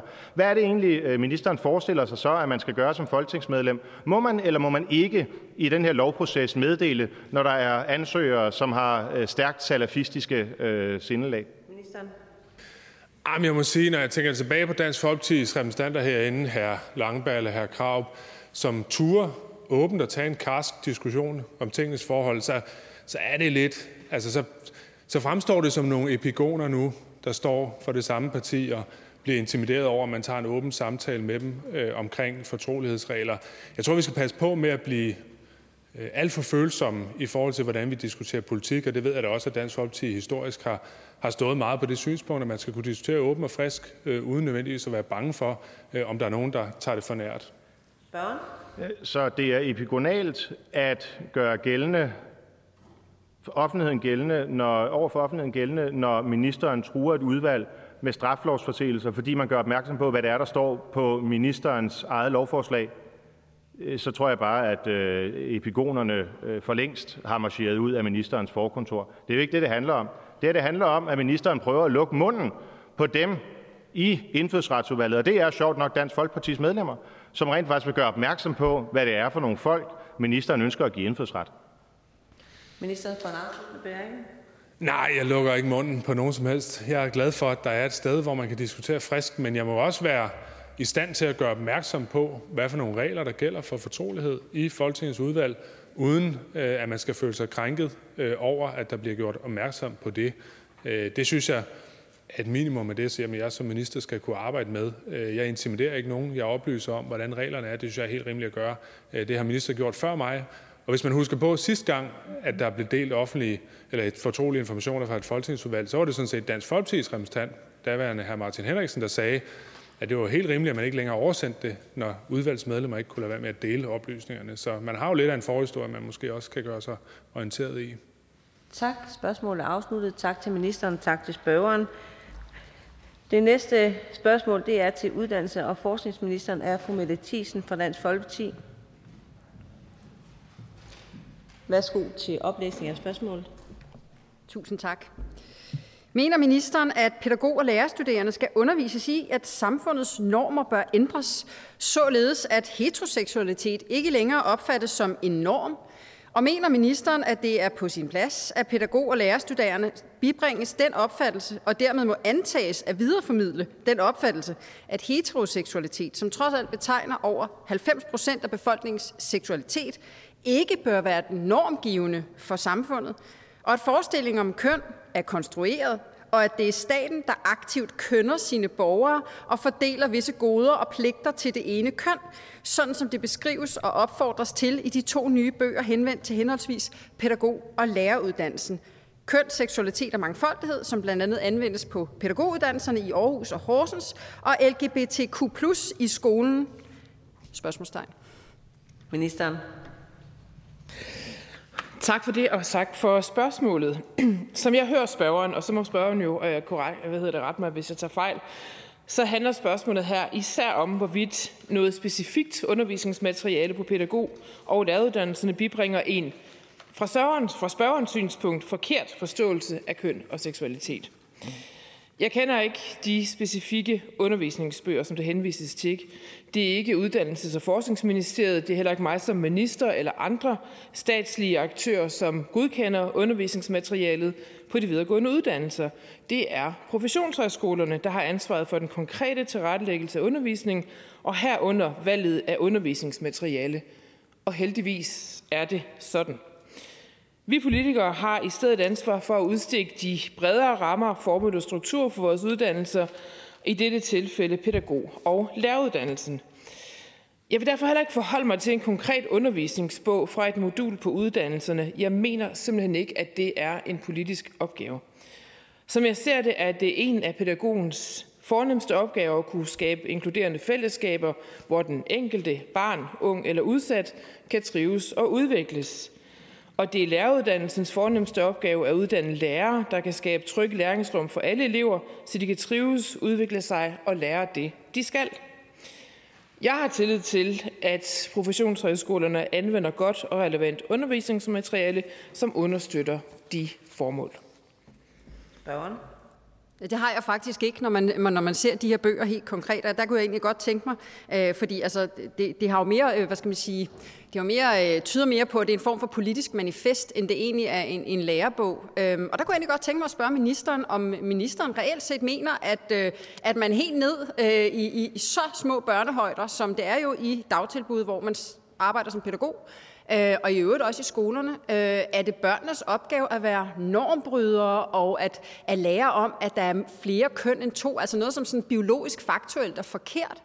Øhm, jeg kan ikke helt forstå, hvordan ministeren ikke øh, i en eller anden grad mener, at ministeren skal tage stilling til, at man simpelthen lærer noget, der er faktuelt forkert, på baggrund af en, øh, lad os kalde det, en øh, identitetspolitisk og nok også kulturmarxistisk strømning, som desværre er i vores samfund igennem de her år, altså den her woke-bølge. Øh, øh, så jeg bliver faktisk rigtig bekymret øh, på, på skoleelevers vegne. Jeg bliver rigtig bekymret for helt små børn, som på den her måde bliver spændt lidt for en øh, identitetspolitisk øh, vogn. Øh, så det kunne jeg godt tænke mig, at ministeren øh, spor, eller øh, kunne svare på. Og, og så må ministeren jo også svare på sådan helt grundlæggende, om, øh, om ministeren mener, der er mere køn, altså flere køn end to. Altså, fordi det er der ikke. Der er to køn. og, og, og altså, nu er jeg selv skolelærer. Altså, øh, når man er skolelærer, så skal man undervise i det faktuelle. Man skal ikke undervise i alt muligt, der måske engang måske kunne være, eller nogen synes måske et eller andet. Man skal undervise i det, der er, øh, er faktuelt. Og, og der er altså to køn rent biologisk. Den er bare ikke længere. Jeg kunne godt tænke mig, at ministeren øh, gav en eller anden form for holdningstilkendegivelse, om ministeren ikke mener, det er bekymrende, at vi ser sådan nogle her undervisningsmaterialer på, på de hvad skal man sige, professionshøjskoler, hvor man skal uddanne pædagoger, der skal tage sig af de allermindste, og så sandelig også de lærere, som skal øh, undervise øh, vores børn i folkeskolen. Ministeren. Altså, som jeg sagde i min indledende besvarelse, så, så kender jeg ikke de øh, bøger, som, som der henvises til. Og uanset hvor meget man sådan forsøger at lokke mig ind i et eller andet identitetspolitisk, øh, seksualitets, normkøns, øh, woke type debat, så vil jeg det simpelthen ikke, fordi det er ikke det, det her handler om. Det her det handler om for mig, og det kan man have et andet perspektiv på. Det handler om et helt andet princip, som er på spil, nemlig armslængde. Det er, ikke, det er ikke en politisk opgave at definere, hvad der skal stå i en lærebog på en videregående øh, uddannelse, på en, på en læreranstalt. Det er ikke en politisk opgave. Og med spørgerens offentlige spørgsmål bekræfter det jo egentlig min antagelse af, at det i virkeligheden handler om, at der er en bog, hvor der står noget, som spørgeren, spørgeren mener er forkert, og derfor ønsker politisk at påvirke. Det mener jeg simpelthen ikke er vores opgave. Spørgeren? Nej, man skulle da også nødig have en holdning som minister. Ironi kan forekomme. Altså, ja, selvfølgelig skal man da have en holdning til, om der er noget, og det er ikke min holdning til, om der er noget, der er faktuelt forkert. Det er faktuelt forkert. Der findes to biologiske køn. Det er fakta. Altså, øh, jeg synes bare, det er, jeg synes faktisk, det er ret bekymrende. Altså, I går havde jeg øh, ministerens øh, kollega, sundhedsministeren, i samråd omkring øh, øh, kønsskifte af børn. Der, der mente sundhedsministeren heller ikke, at man skulle tage politisk holdning og, og stilling til det. Og nu har vi en, en uddannelsesminister, som simpelthen ikke vil tage, tage, tage stilling til, om der undervises i noget faktuelt forkert på pædagoguddannelsen og på læreruddannelsen. Hvorfor ikke? Ministeren. Fordi jeg synes, der er et princip på spil her, som faktisk er vigtigere, nemlig armslængdeprincippet. Det kan man godt være ligeglad med, og det kan man også være i alle mulige andre henseender, når det kommer til kulturpolitik, øh, og i det her, øh, og i det her tilfælde så øh, uddannelsespolitik. Jeg synes, armslængdeprincippet er vigtigt. Jeg synes, at det er enormt vigtigt, at vi også politisk anerkender, at der er grænser for politik. Der er noget, der ligger på vores spor, og der er noget, der ligger på nogle andre spor. Det her er et tilfælde, hvor spørgsmålet om, hvad der står, altså hvad der er beskrivelse af, at, af i det her tilfælde så kønsnormer øh, i en lærebog, det er simpelthen ikke en politisk opgave til stilling til det. Spørgeren? Altså, nu handler det her jo ikke, altså det, det er jo det, man tit oplever på venstrefløjen og, og i Twitter-segmentet, det er jo det her med, at man tror straks, at fordi man kritiserer noget eller har en holdning til det, at så er det straks noget med, at det skal forbydes, og vi går ind imod armslængdeprincippet og alt muligt andet. Det er jo slet ikke det, der handler om. Det handler om, at ministeren som politiker øh, som del af en regering har en holdning til, om man mener, det er okay, at man på, på professionshøjskolerne, hvor vi jo uddanner pædagoger og lærere, folk, som har med vores børn at gøre, øh, til, hvad skal man sige, i en form for politisk ideologi, øh, øh, hvor man blandt andet øh, underviser noget faktuelt forkert. Altså, det må ministeren da have en holdning til. Ministeren for en afsluttende bemærkning. Men noget af det er utroligt dejligt ved at leve et frit og åbent demokrati, det er jo, at alle herunder også politikere står fuldstændig frit for at ytre de holdninger, man har. Jeg forstår, at spørgeren har meget stærke holdninger til lige præcis de her undervisningsbøger, og så står det jo spørgeren fuldstændig frit for øh, at forklare om sine holdninger til noget, som spørgeren åbenlyst synes er helt forkert. Jeg, jeg deler ikke den bekymring, og jeg mener heller ikke, og det er jo så et princip, som jeg tager meget alvorligt, jeg mener heller ikke, at det er min opgave som minister. Jeg tror faktisk, jeg mener det modsatte. Jeg mener, at det ikke er min opgave at gå ind i øh, og vurdere øh, specifikke lærebøger. Øh, der er nogen, som har fået den opgave. Øh, den har de fået af os politikere, og det synes jeg, vi skal tage alvorligt. Så er spørgsmålet afsluttet. Tak til spørgeren og tak til ministeren. Og hermed er spørgetimen også afsluttet. Det næste punkt på dagsordenen det er første behandling af lovforslag. Forslag til lov om ændring af lov om velfærdsaftaler på ældreområdet. Øh, og ja, L91. Og forhandlingen er åbnet. Og første ordfører er fru Annette Lind fra Socialdemokratiet. Værsgo. Tak, fru formand. I dag der debatterer vi det første af forhåbentlig mange gange om, om frisættelsen ude på ældreområdet. Og vi vil også gerne sige velkommen til ministeren, som har det første lovforslag på ældreområdet her. I 2020 der havde vi i den tidligere regering en udtalelse af nogle velfærdsaftalekommuner. Det var Langeland, det var Middelfart og det var Viborg. Dem gav vi yderligere frihedsgrader. Det er sådan, at i L, 100, nej, L 91 i dag, der er det, at vi skal diskutere nogle frihedsgrader, som Viborg Kommune har søgt om. Det er sådan, når vi giver Viborg Kommune lov til de her ting, så kan vi også lov i Langeland og i Middelfart. Socialdemokratiet de er stærke tilhængere af frisættelse i den offentlige sektor, og vi vil gøre op med byråkratiet og de mange regler og dokumentationskrav, som fjerner de vigtigste ting, nemlig nærværen, eller som fjerner tid fra det vigtigste, nemlig nærværen om omsorgen for de ældre, og som dræner medarbejderne for energi og arbejdsglæde. Og derfor har vi lavet velfærdsaftalerne på ældreområdet med netop Viborg, Langeland og Middelfart kommuner. I Socialdemokratiet der vil vi gerne sætte kommunerne fri fra en lang række statslige regler og dokumentationskrav. Samtidig så har vi givet håndslag med kommunerne på, at de også sætter fri fra deres egne regler, så frisættelsen når helt ud til medarbejderne og de ældre. For vi tror på, at der i mødet mellem fagligt dygtige medarbejdere og de ældre, at man kan finde nogle gode løsninger. Det er ikke noget, som vi kan lovgive fra her på Christiansborg. I de øh, lovgivninger, vi har i dag, der var der oprindeligt fem øh, forslag fra Viborg Kommune om yderligere frisættelse. Det har kun været nødvendigt at lovgive på de to områder. De, to, de tre andre øh, har været to på medicinområdet. Et, at man vil opbevare væsker og medicin ude, for eksempel på et plejehjem, i stedet for øh, at man skal ud og køre efter det. Det har vi desværre ikke kunne gøre, øh, fordi at det netop ikke er under øh, serviceloven, men netop under øh, loven om lægemidler. Så det er ikke blevet imødekommet, men er heller ikke med i det her lovforslag. Det andet, det har man kunne gøre ude i kommunerne, det er en frisættelse i forhold til hjælpemidler, sådan at man i de team, man er omkring arbejdet med de ældre, kan finde ud af tingene, uden at borgeren som, som sådan selv skal søge, og der skal så visiteres til det. Alt i alt er det jo nogle rigtig gode øh, frisættelser, men det, som det gælder om i dag, det er to andre ting. Det er netop en justering af krav om skriftlighed hvor Viborg Kommune har søgt om yderligere frisættelse, og på baggrund af de erfaringer, man allerede har haft, så synes jeg, at det her det er rigtig godt, at man i Viborg Kommune har høstet erfaringer først, og så er nu klar til at tage et skridt videre i frisættelsen. Konkret så skal vi derfor i dag se på de her to øh, lov om velfærdsaftaler. For det første så handler det om kravet om skriftlighed, der justeres, så når der er taler om mindre, mindre begunstigede justeringer, så betyder det faktisk i bund og grund, at vi på det her område sidestiller kravet til skriftlighed i velfærdskommunerne med kravet til skriftlighed i de øvrige kommuner. Det kunne måske lyde lidt mærkeligt, at man har haft øget skriftlig, øh, krav om skriftlighed i en frikommune, og derfor laver vi nu reglen om, sådan at de faktisk bliver sidestillet med alle andre kommuner. Og det giver jo rigtig god mening, vil jeg tro, at alle synes. Ellers er det sådan, at øh, det handler om selvvisitation på madservice. For det andet så er det, giver vi mulighed for selvvisitation netop på madservice eller tilbud, der træder i stedet for madservice. Det er et meget spændende forslag, synes jeg, for jeg hører ofte, at visitationen er noget af det, der kræver mange ressourcer, og samtidig er der også nogle steder en forestilling om, at selvvisitation vil betyde, at borgerne de skal kræve en masse ydelser, de slet ikke har behov for, og det tror jeg, at vi kan modsætte i det her øh, forsøg, som øh, kommer til at gå øh, fremadrettet i Viborg Kommune. Borgeren skal nemlig selv tilmelde sig madordningen, og jeg er glad for, at man nu åbner op for at prøve netop på et, øh, et frisættelsesområde som det her. Det er sådan, at øh, vi ikke for ikke så længe siden, der fik vi en rapport fra VIVE. Der var rigtig mange spændende ting i den, øh, netop på frisættelsesområderne.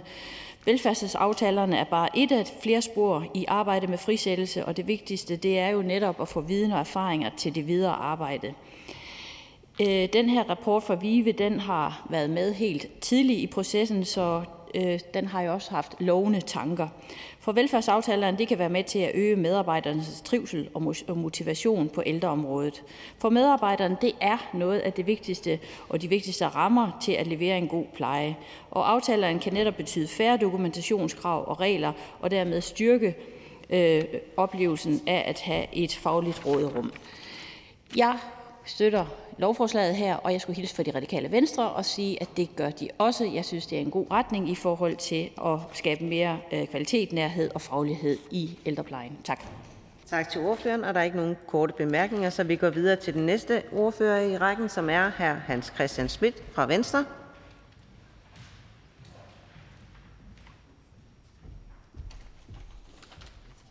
Værsgo.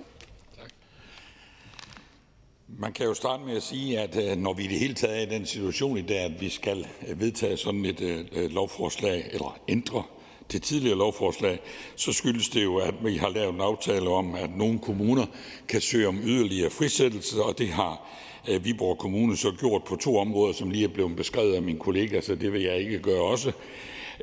Men det betyder, at de to frisættelser, hvis vi ønsker at imødekomme dem, så kræver det en ændring af velfærdsaftaleloven, og, øh, og det er så det, der foreslås gennemført med det her øh, forslag.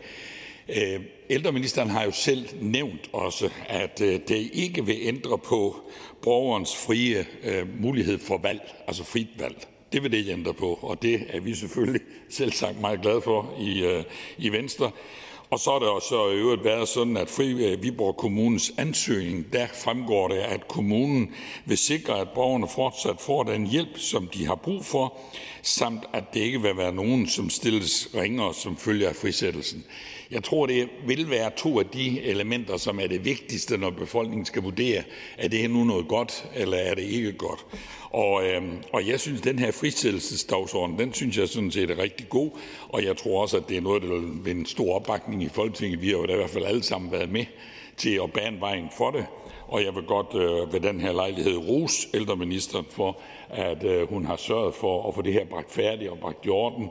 Tit så kan vi jo blive klandret for, at vi ikke får det gjort. Vi lover, og vi lover, men der sker ingenting. Og det synes jeg, at, du er, at det synes jeg ældreministeren er, undskyld, et strålende eksempel på, at her har man i hvert fald stillet handling bag ordene, og det synes jeg kun øh, fortjener ros. Så Venstre kan støtte forslaget. Tak til ordføreren, og der er ikke nogen korte bemærkninger, så vi går videre i ordførerrækken til hr. Mike Villa Fonseca fra Moderaterne.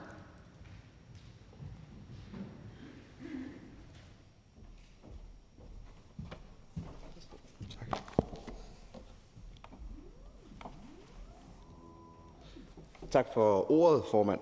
Moderaterne ønsker altid at søge den politiske dialog. Fremtidens løsninger kan komme alle steder fra. I dag kommer det fra Viborg Kommune. Vi politikere skal af og til lytte, før vi taler. Det kunne vi alle have glæde af. Nogle gange er det bedre at lytte end at tale.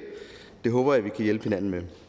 Velfærdsaftalerne skal frisætte kommunerne fra unødvendig kontorarbejde, så tiden i stedet kan bruges på den borgernære velfærd.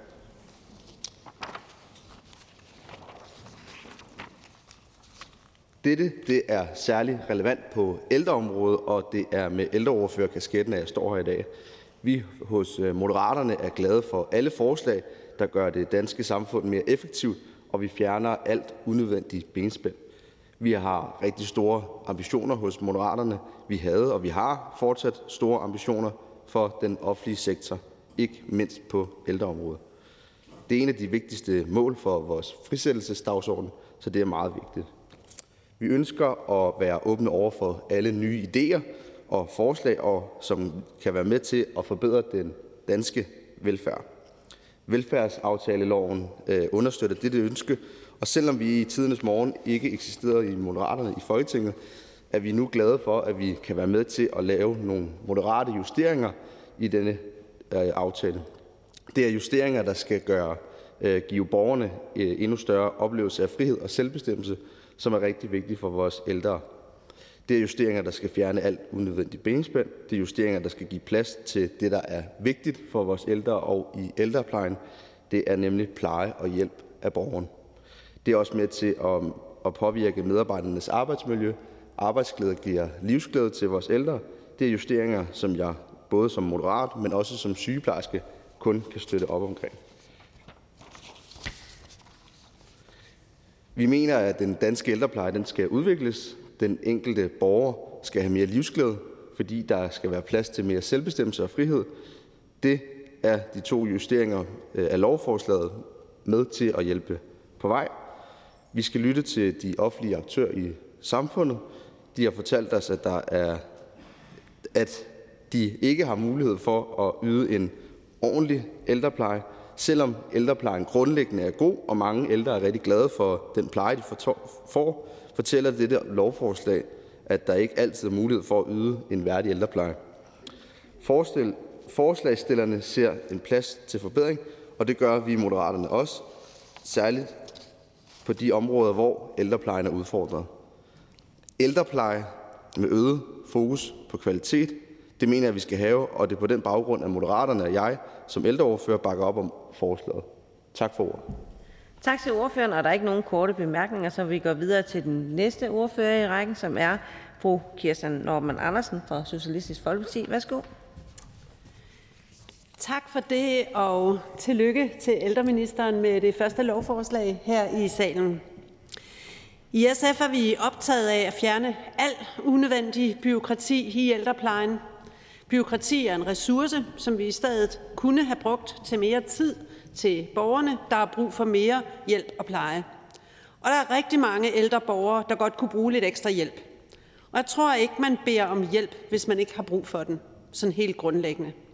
Derfor var vi i SF også glade for at være med til at aftale velfærdsaftaleloven for et par år siden.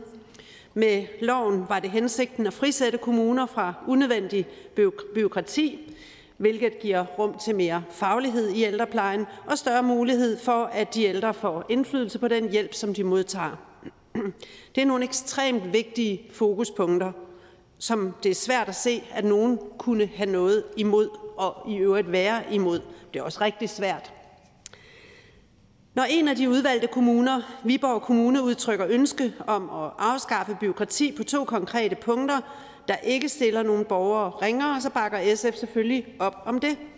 Jeg synes, det giver mening, at det ikke er nødvendigt at sende skriftlige oplysninger til borgere ved mindre justeringer, som i virkeligheden bare er forbedringer af den hjælp, de får.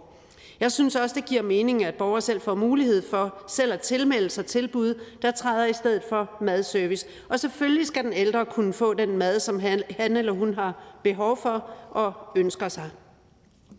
Jeg var til gengæld også glad for at læse, at vejledningspligten den bliver skærpet i forhold til selvvisitation af madservice, fordi det er selvfølgelig afgørende, at borgere får den nødvendige vejledning, hvis selvvisitationen skal foregå digitalt. Vi ved, at der er mange ældre, der oplever problemer med den stigende digitalisering, og derfor er det også vigtigt, at vi ikke stiller nogen ringere ved elektronisk selvvisitation. Og vi må og skal øh, ikke øge den digitale eksklusion med den her justering. Jeg har dog også noteret mig, at Dansk Erhverv har udtrykt bekymring for, om vi med loven går på kompromis med frit valg. Det er der også andre, der har bemærket her fra talerstolen. Det er jo nok en naturlig indvending fra en erhvervsorganisation, men jeg vil ikke undlade at bemærke, at frihed er altså vigtigere end frit valg mellem forskellige leverandører. Jeg er derfor også glad for, at bemærkningen ikke har givet anledning til at ændre i loven, for det vil jo netop resultere i øget byråkrati, som vi rigtig gerne vil fjerne. Vi skal have tillid til, at borgerne selv ved bedst, og hånden på hjertet. Ingen borgere ville ønske madservice, hvis ikke det var fordi, at de havde brug for den. Så afslutningsvis vil jeg bare sige, at SF er for forslaget, og vi ser frem til at følge læringen og erfaringerne fra Viborg, Langeland og Middelfart. Og så skal jeg i et hilse fra øh, Alternativet, som er enige med SF. Tak for ordet. Der er ingen kort bemærkninger. Tak til fru Kirsten Norman Andersen, SF. Næste ordfører er fru Marlene Harpsø, Danmarksdemokraterne. Hmm?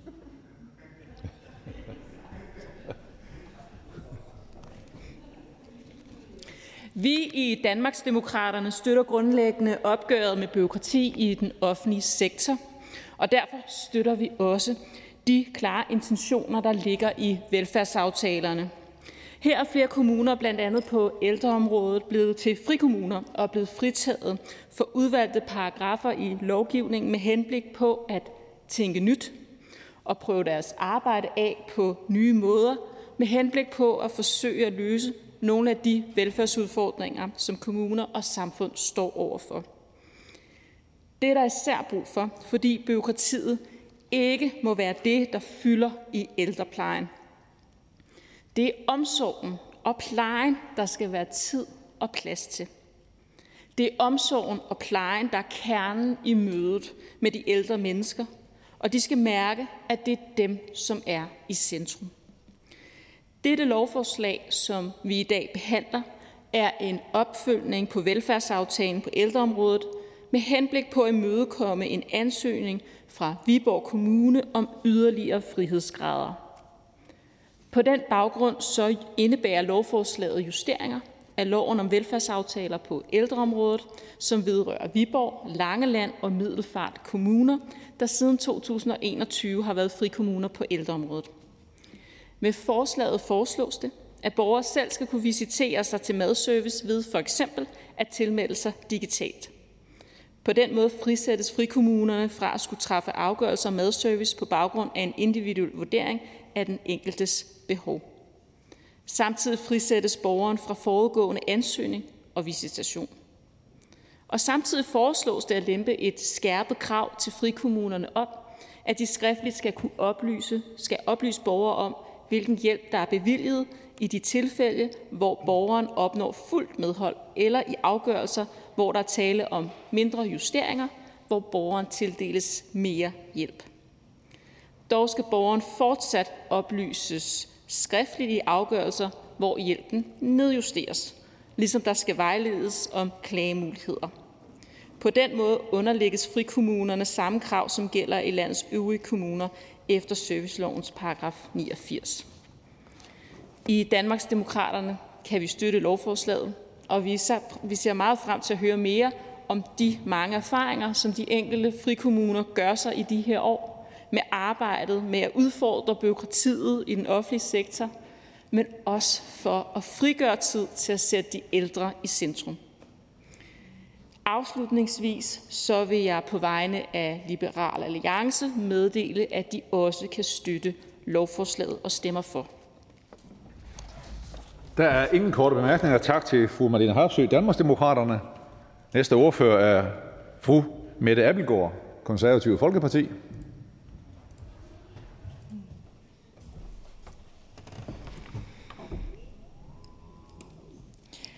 Mange tak for det, og også herfra et tillykke med, øh, til ministeren med øh, det her første lovforslag i salen. Det her er, som mange af mine gode kollegaer har været inde på, jo en udløber af den aftale, der blev lavet i forhold til velfærdsaftaler, frikommuneforsøg, som netop skal give kommunerne mulighed for at se, om vi kan gøre tingene lidt bedre på ældreområdet, om vi kan tænke nyt og prøve andre ting af. Det var jo i virkeligheden en udløber af den nytårstale, statsministeren holdt den 1. januar 2022, hvor hun proklamerede, at der skulle komme en ny ældrelov, at kommunerne for alvor skulle have frihed, og nu var det virkelig tid til, at der skulle ske noget på det her område. Jeg må bare sige, 1. januar 2022, der er alligevel sket lidt siden da. Ikke nødvendigvis med ældreområdet, men månederne er jo gået, og den ældrelov, statsministeren hun lovede øh, medarbejderne, de ældre, de pårørende, den er jo stadigvæk ikke kommet. Øh, der er gået snart halvandet år hvor man har holdt øh, mange, som øh, arbejder inden for det her område, som er engageret i det, holdt dem hen med en forventning, men jo også i en uvidshed. Øh, og jeg synes ikke, jeg kan behandle det her lovforslag i dag, uden at ære mig over, at det, man lovede så storstilet dengang, der har man bare ikke nået øh, ret langt. Jeg synes, det var skuffende, at den tidligere regering ikke nåede længere. Vi blev aldrig indkaldt til forhandlinger. Man nedsatte en rådgivende komité, ekspertgrupper, alle mulige kloge mennesker. Der kom kloge anbefalinger, men vi kom bare aldrig så langt, at vi satte os ind i det der forhandlingsrum. Vi havde masser af snakke om, hvordan vi alle sammen skulle bøje os mod hinanden for virkelig at prøve nyt øh, på det her område. Men invitationen til det første forhandlingsmøde, ja, den ventede vi øh, forgæves på i månedsvis. Nu har Danmark fået en ny regering, og jeg er glad for, at der står i regeringsgrundlaget, at ældreområdet er det første område, man skal forsøge virkelig at frisætte. Og vi kommer til at møde op til forhandlingerne på vej, øh, det jeg kommer til det på vegne af det konservative Folkeparti, at møde op konstruktivt og indstillet på, at øh, vi skal frisætte så meget som overhovedet muligt.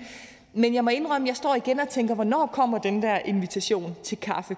For der står i regeringsgrundlaget, at det er det første område, der skal frisættes. Øh, og øh, jeg har ikke indtryk af, at det sådan er lige for, at vi skal rydde kalenderen øh, for at drøfte det her.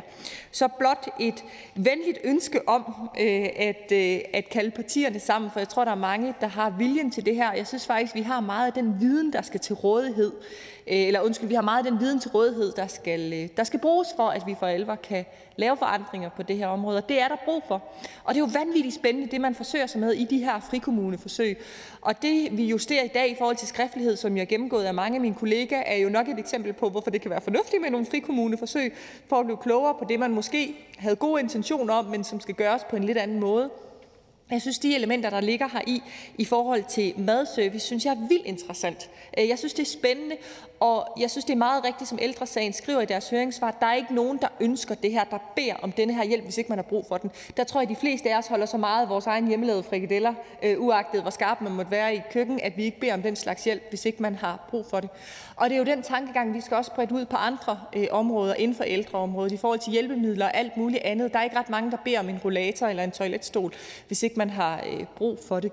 Øh, så jeg glæder mig rigtig, rigtig meget til det arbejde, vi skal i gang med i forhold til frisættelse af den offentlige sektor generelt, men i særdeleshed inden for ældreområdet. Og jeg glæder mig rigtig meget til, at vi forhåbentlig bliver inviteret til øh, forhandlinger om det.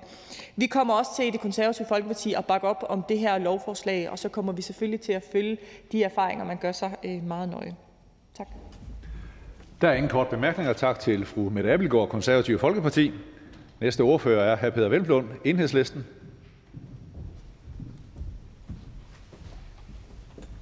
Tak for det, formand. Øhm, jamen jeg vil også lige starte med at slå fast, at, øh, at enhedslisten kommer til at støtte det her forslag, fordi det handler jo netop om at fjerne øh, nogle byråkratiske byrder øh, fra, fra tre af de øh, omtalte frikommuner, altså øh, Langland, Middelfart og, og Viborg. Øh, det er et ønske, der kommer fra øh, kommunerne selv, eller i særlig grad Viborg Kommune. Øh, det er ikke noget, der forringer øh, mulighederne for, for borgerne i, i kommunen. Øh, Øh, og der er en skærpet vejledningspligt. Øh, så det betyder, at det her det, det kommer vi selvfølgelig til at støtte. Øh, jeg vil bare godt alligevel så benytte anledningen til, nu er der blevet sagt mange fine ord omkring det her med at skulle frisætte kommuner. Og det lyder også det lyder meget tillokkende. Og jeg er også spændt på at se, hvad det egentlig er konkret, regeringen vil komme med på området, og i øvrigt også tillykke herfra til, til ældreministeren med det første lovforslag her på området. Men, men jeg er ret spændt på at se, hvad det egentlig er, regeringen har tænkt sig i forhold til det, fordi Øh, frisættelse kan jo netop betyde mange ting. Øh, I tilfældet her der handler det om, øh, at vi fjerner nogle administrative byrder. Vi sikrer en højere grad af selvvisitation, som fru Mette Abelgaard var inde på. Er der jo ikke nogen, der kommer og beder om en rollator. Der er næppe nogen, der begynder at hamstre toiletstole, fordi man har muligheden for at få flere af dem. Så det er jo helt, åbenlagt, eller helt åbenlyst, at, at der er nogle områder, vi kan gøre det på. Også spørgsmål omkring madservice er, Øh, er også helt åbenlyst et område, man, man kan bruge det på. Men, men frisættelse kan jo også betyde, at vi fjerner rettigheder for borgere generelt, og at vi overlader det til kommunerne selv, og at det så bliver forskellige økonomiske rammer i kommunerne, der afgør, hvilken hjælp man kan tilbyde, men hvor man så fra Christiansborgs side kan frelægge sig ansvaret og sige, jamen det her er ikke længere en, en rettighed, det er nogen kommune, noget kommunerne de selv øh, må lægge råd med i forhold til, hvilke økonomiske rammer de har. Det har vi jo blandt andet set i forhold til, til klippekortsordningen. Øh, og, og derfor så er frisættelse øh, tror jeg, man skal passe rigtig meget på med, hvad betyder det egentlig? Og derfor er jeg også spændt på at se, øh, hvad det er, regeringen kommer til at lægge op til. Det samme gør sig gældende, når vi snakker om frit valg.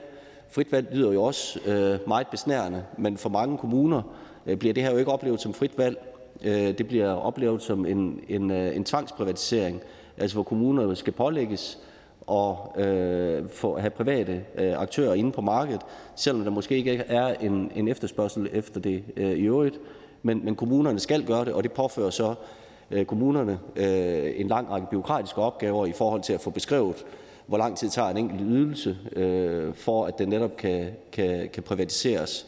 Så, så når vi taler om frisættelse, så kan det jo betyde mange ting. Øh, det kunne for eksempel også være at fritage kommunerne for den tvangsprivatisering, øh, som øh, mange kommuner i dag oplever. Men, øh, men det konkrete forslag her, det bakker vi selvfølgelig op omkring.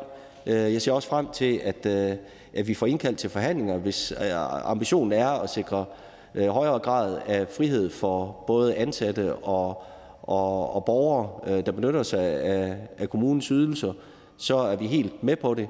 Øh, men jeg vil godt hejse en, en, en lille advarende fane i forhold til risikoen for, at det her det er altså også kan betyde, at den geografiske ulighed øh, kommer til at eksplodere, øh, hvis ikke man sikrer, at øh, man har rettighed til at få en, en hjælp, og at vi også sikrer herindefra, at der er den tilstrækkelige økonomi til det ude i kommunerne. Men øh, enhedslisten kommer til at bakke op om det her konkrete lovforslag. Der er ingen kort bemærkninger. Tak til Peter Velblom, enhedslisten. Næste ordfører er fru Pia Kærsgaard, Dansk Folkeparti.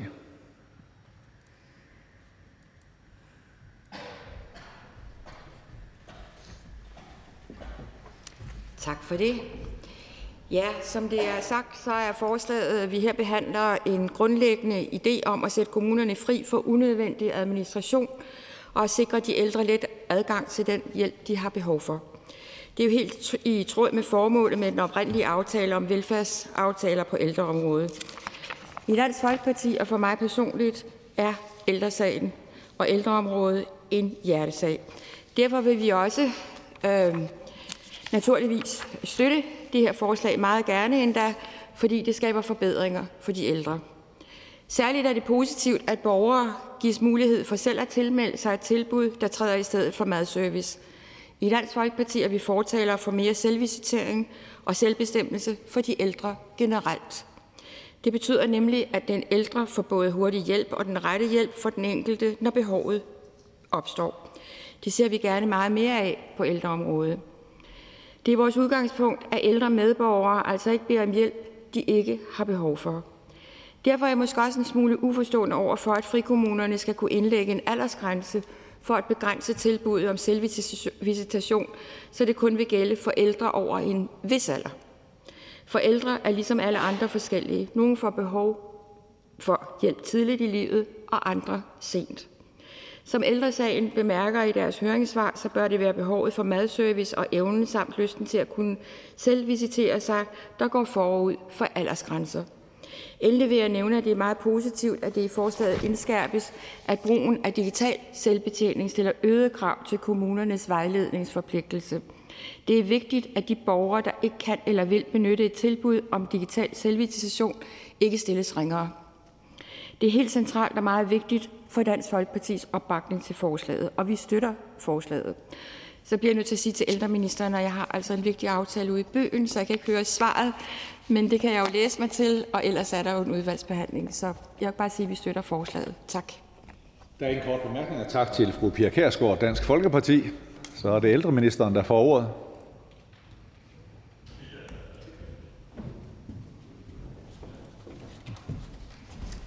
Tak for ordet, formand. Øh, og tusind tak for debatten og inputtene her øh, til, lov, til første behandling i dag. Øh, jeg hører mig frem til, at der er opbakning til øh, hele vejen rundt, hvilket jeg jo synes er utroligt positivt, og måske øh, nok så meget øh, positivt, fordi der er øh, nogle virkelig gode overvejelser ord med, hvorfor den opbakning er. Altså det, jeg hører, går igen, og det er også det, jeg selv har hæftet mig ved i, øh, i, øh, i øh, lovforslaget. Det er lige, lige præcis det her med, at der kommer mindre byråkrati ved de to forslag. Nu vil jeg ikke, nu har både fru øh, Annette Lind og... Øh, og, øh, og hvad hedder det, Marlene, Haps, Marlene Hapsø gennemgået forslagene rigtig nøje, ellers ville jeg måske normalt lige have gennemgået dem præcist. Men jeg synes, det var udmærket og glimrende for, øh, gennemgang, I havde. Øh, men noget af det, jeg hæfter mig ved, og årsagen til, øh, at, at jeg, jeg har lagt vægt på at, at, øh, at fremsætte de her ting, det er lige præcis byråkratiet. Jeg synes, det er en meget fin formulering, øh, øh, fru Kirsten Norman Andersen har omkring byråkratiet, er jo en ressource, der kan bruges øh, anderledes, øh, hvilket jeg synes øh, er helt i synk. Og så hører jeg mig også frem til, at det her omkring selvbestemmelse, det her med, at der er ikke nogen ældre, som... Øh, som efterspørger en ydelse, hvis de ikke har behov for det, øh, er der flere af jer, der nævner, øh, tænker jeg også er, er helt i, i den ånd øh, øh, af, hvorfor jeg har, har fremsat forslaget. Hele fokus på selvbestemmelse hører mig også frem til, noget af det, der er vigtigt. Jeg hører også, at det, der er væsentligt, er, at, at vi ikke må gå på kompromis med de behov, øh, som de enkelte ældre har. Og det er jo nogle af hegnspælene i lovforslaget, eller i aftalen helt oprindeligt set, at, øh, det her det fraviger ikke eller frastater ikke kommunen ansvaret for at være opsøgende og afdækkende på de behov, der er, uagtet at man faktisk får den mulighed til, øh, til øh, at selv øh, tilmelde sig madservice. Et par enkelte kommentarer til, til, til nogle af de bemærkninger, der ellers er faldet.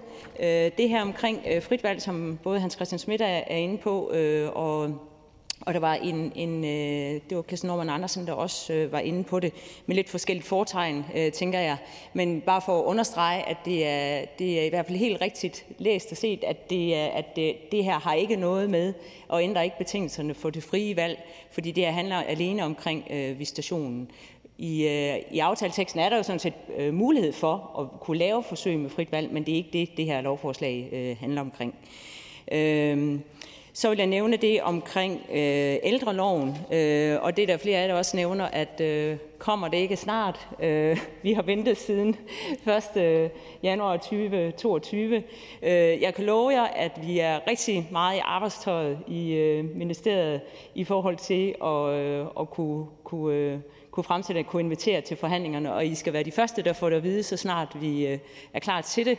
Øh, årsagen til, at øh, vi stadigvæk ikke er klar, på trods af, øh, som fru Mette Abelgaard var inde på, at der jo har været noget forberedende arbejde i hele 2022 med bred inddragelse af interessenter, det er jo, som flere af jer også nævner, at det er jo faktisk utroligt komplekse ting, vi er inde og røre ved, fordi at det her, det er jo ligesom øh, myndighedsarbejdet og det at frisætte der er nemlig rigtig mange dele i frisættelsen. Øhm, det, det er, at ændrer man ved visitationen, ændrer man ved frihedsgrader, så ændrer man ved rettighedsforståelser, som, øh, som Alternativets ordfører, eller undskyld, enhedslistens ordfører er, er inde på. Så man ændrer, man kan ikke bare ændre ved en del, hvis man skal, øh, så man skal ændre ved alle tandhjulene. Og det er derfor, at det, øh, det tager øh, rigtig god tid, for det er også det, jeg synes, og det skal være min afsluttende bemærkning. Øh, det skylder vi jo de ældre, fordi at der kommer rigtig, der er både rigtig mange af dem i dag, og der kommer rigtig mange flere øh, i de kommende år. Så vi skylder at lave en ældrepleje, og der, som vi kan være rigtig godt bekendt, og som er lige og øh, har lige adgang øh, for alle. Så det skal være mine, øh, mine ord, og så glæder jeg mig til, hvis der skulle, måtte være nogle spørgsmål, og ellers øh, det, det videre udvalgsarbejde. Tak. Og det er der så ikke. Der er ingen kort bemærkninger. Tak til ministeren. Da der ikke er flere, som har bedt om ordet, er forhandlingen sluttet. Jeg foreslår, at lovforslaget henvises til ældreudvalget. Hvis ingen gør indsigelse, betragter jeg dette som vedtaget. Der er ikke mere... Hvad? Det er vedtaget. Selvfølgelig. Der er ikke mere at foretage i dette møde. Folketingets næste møde afholdes i morgen, torsdag den 13. april 2023 kl. 10.00. Jeg henviser til den dagsorden, der vil fremgå af Folketingets hjemmeside. Mødet er hævet.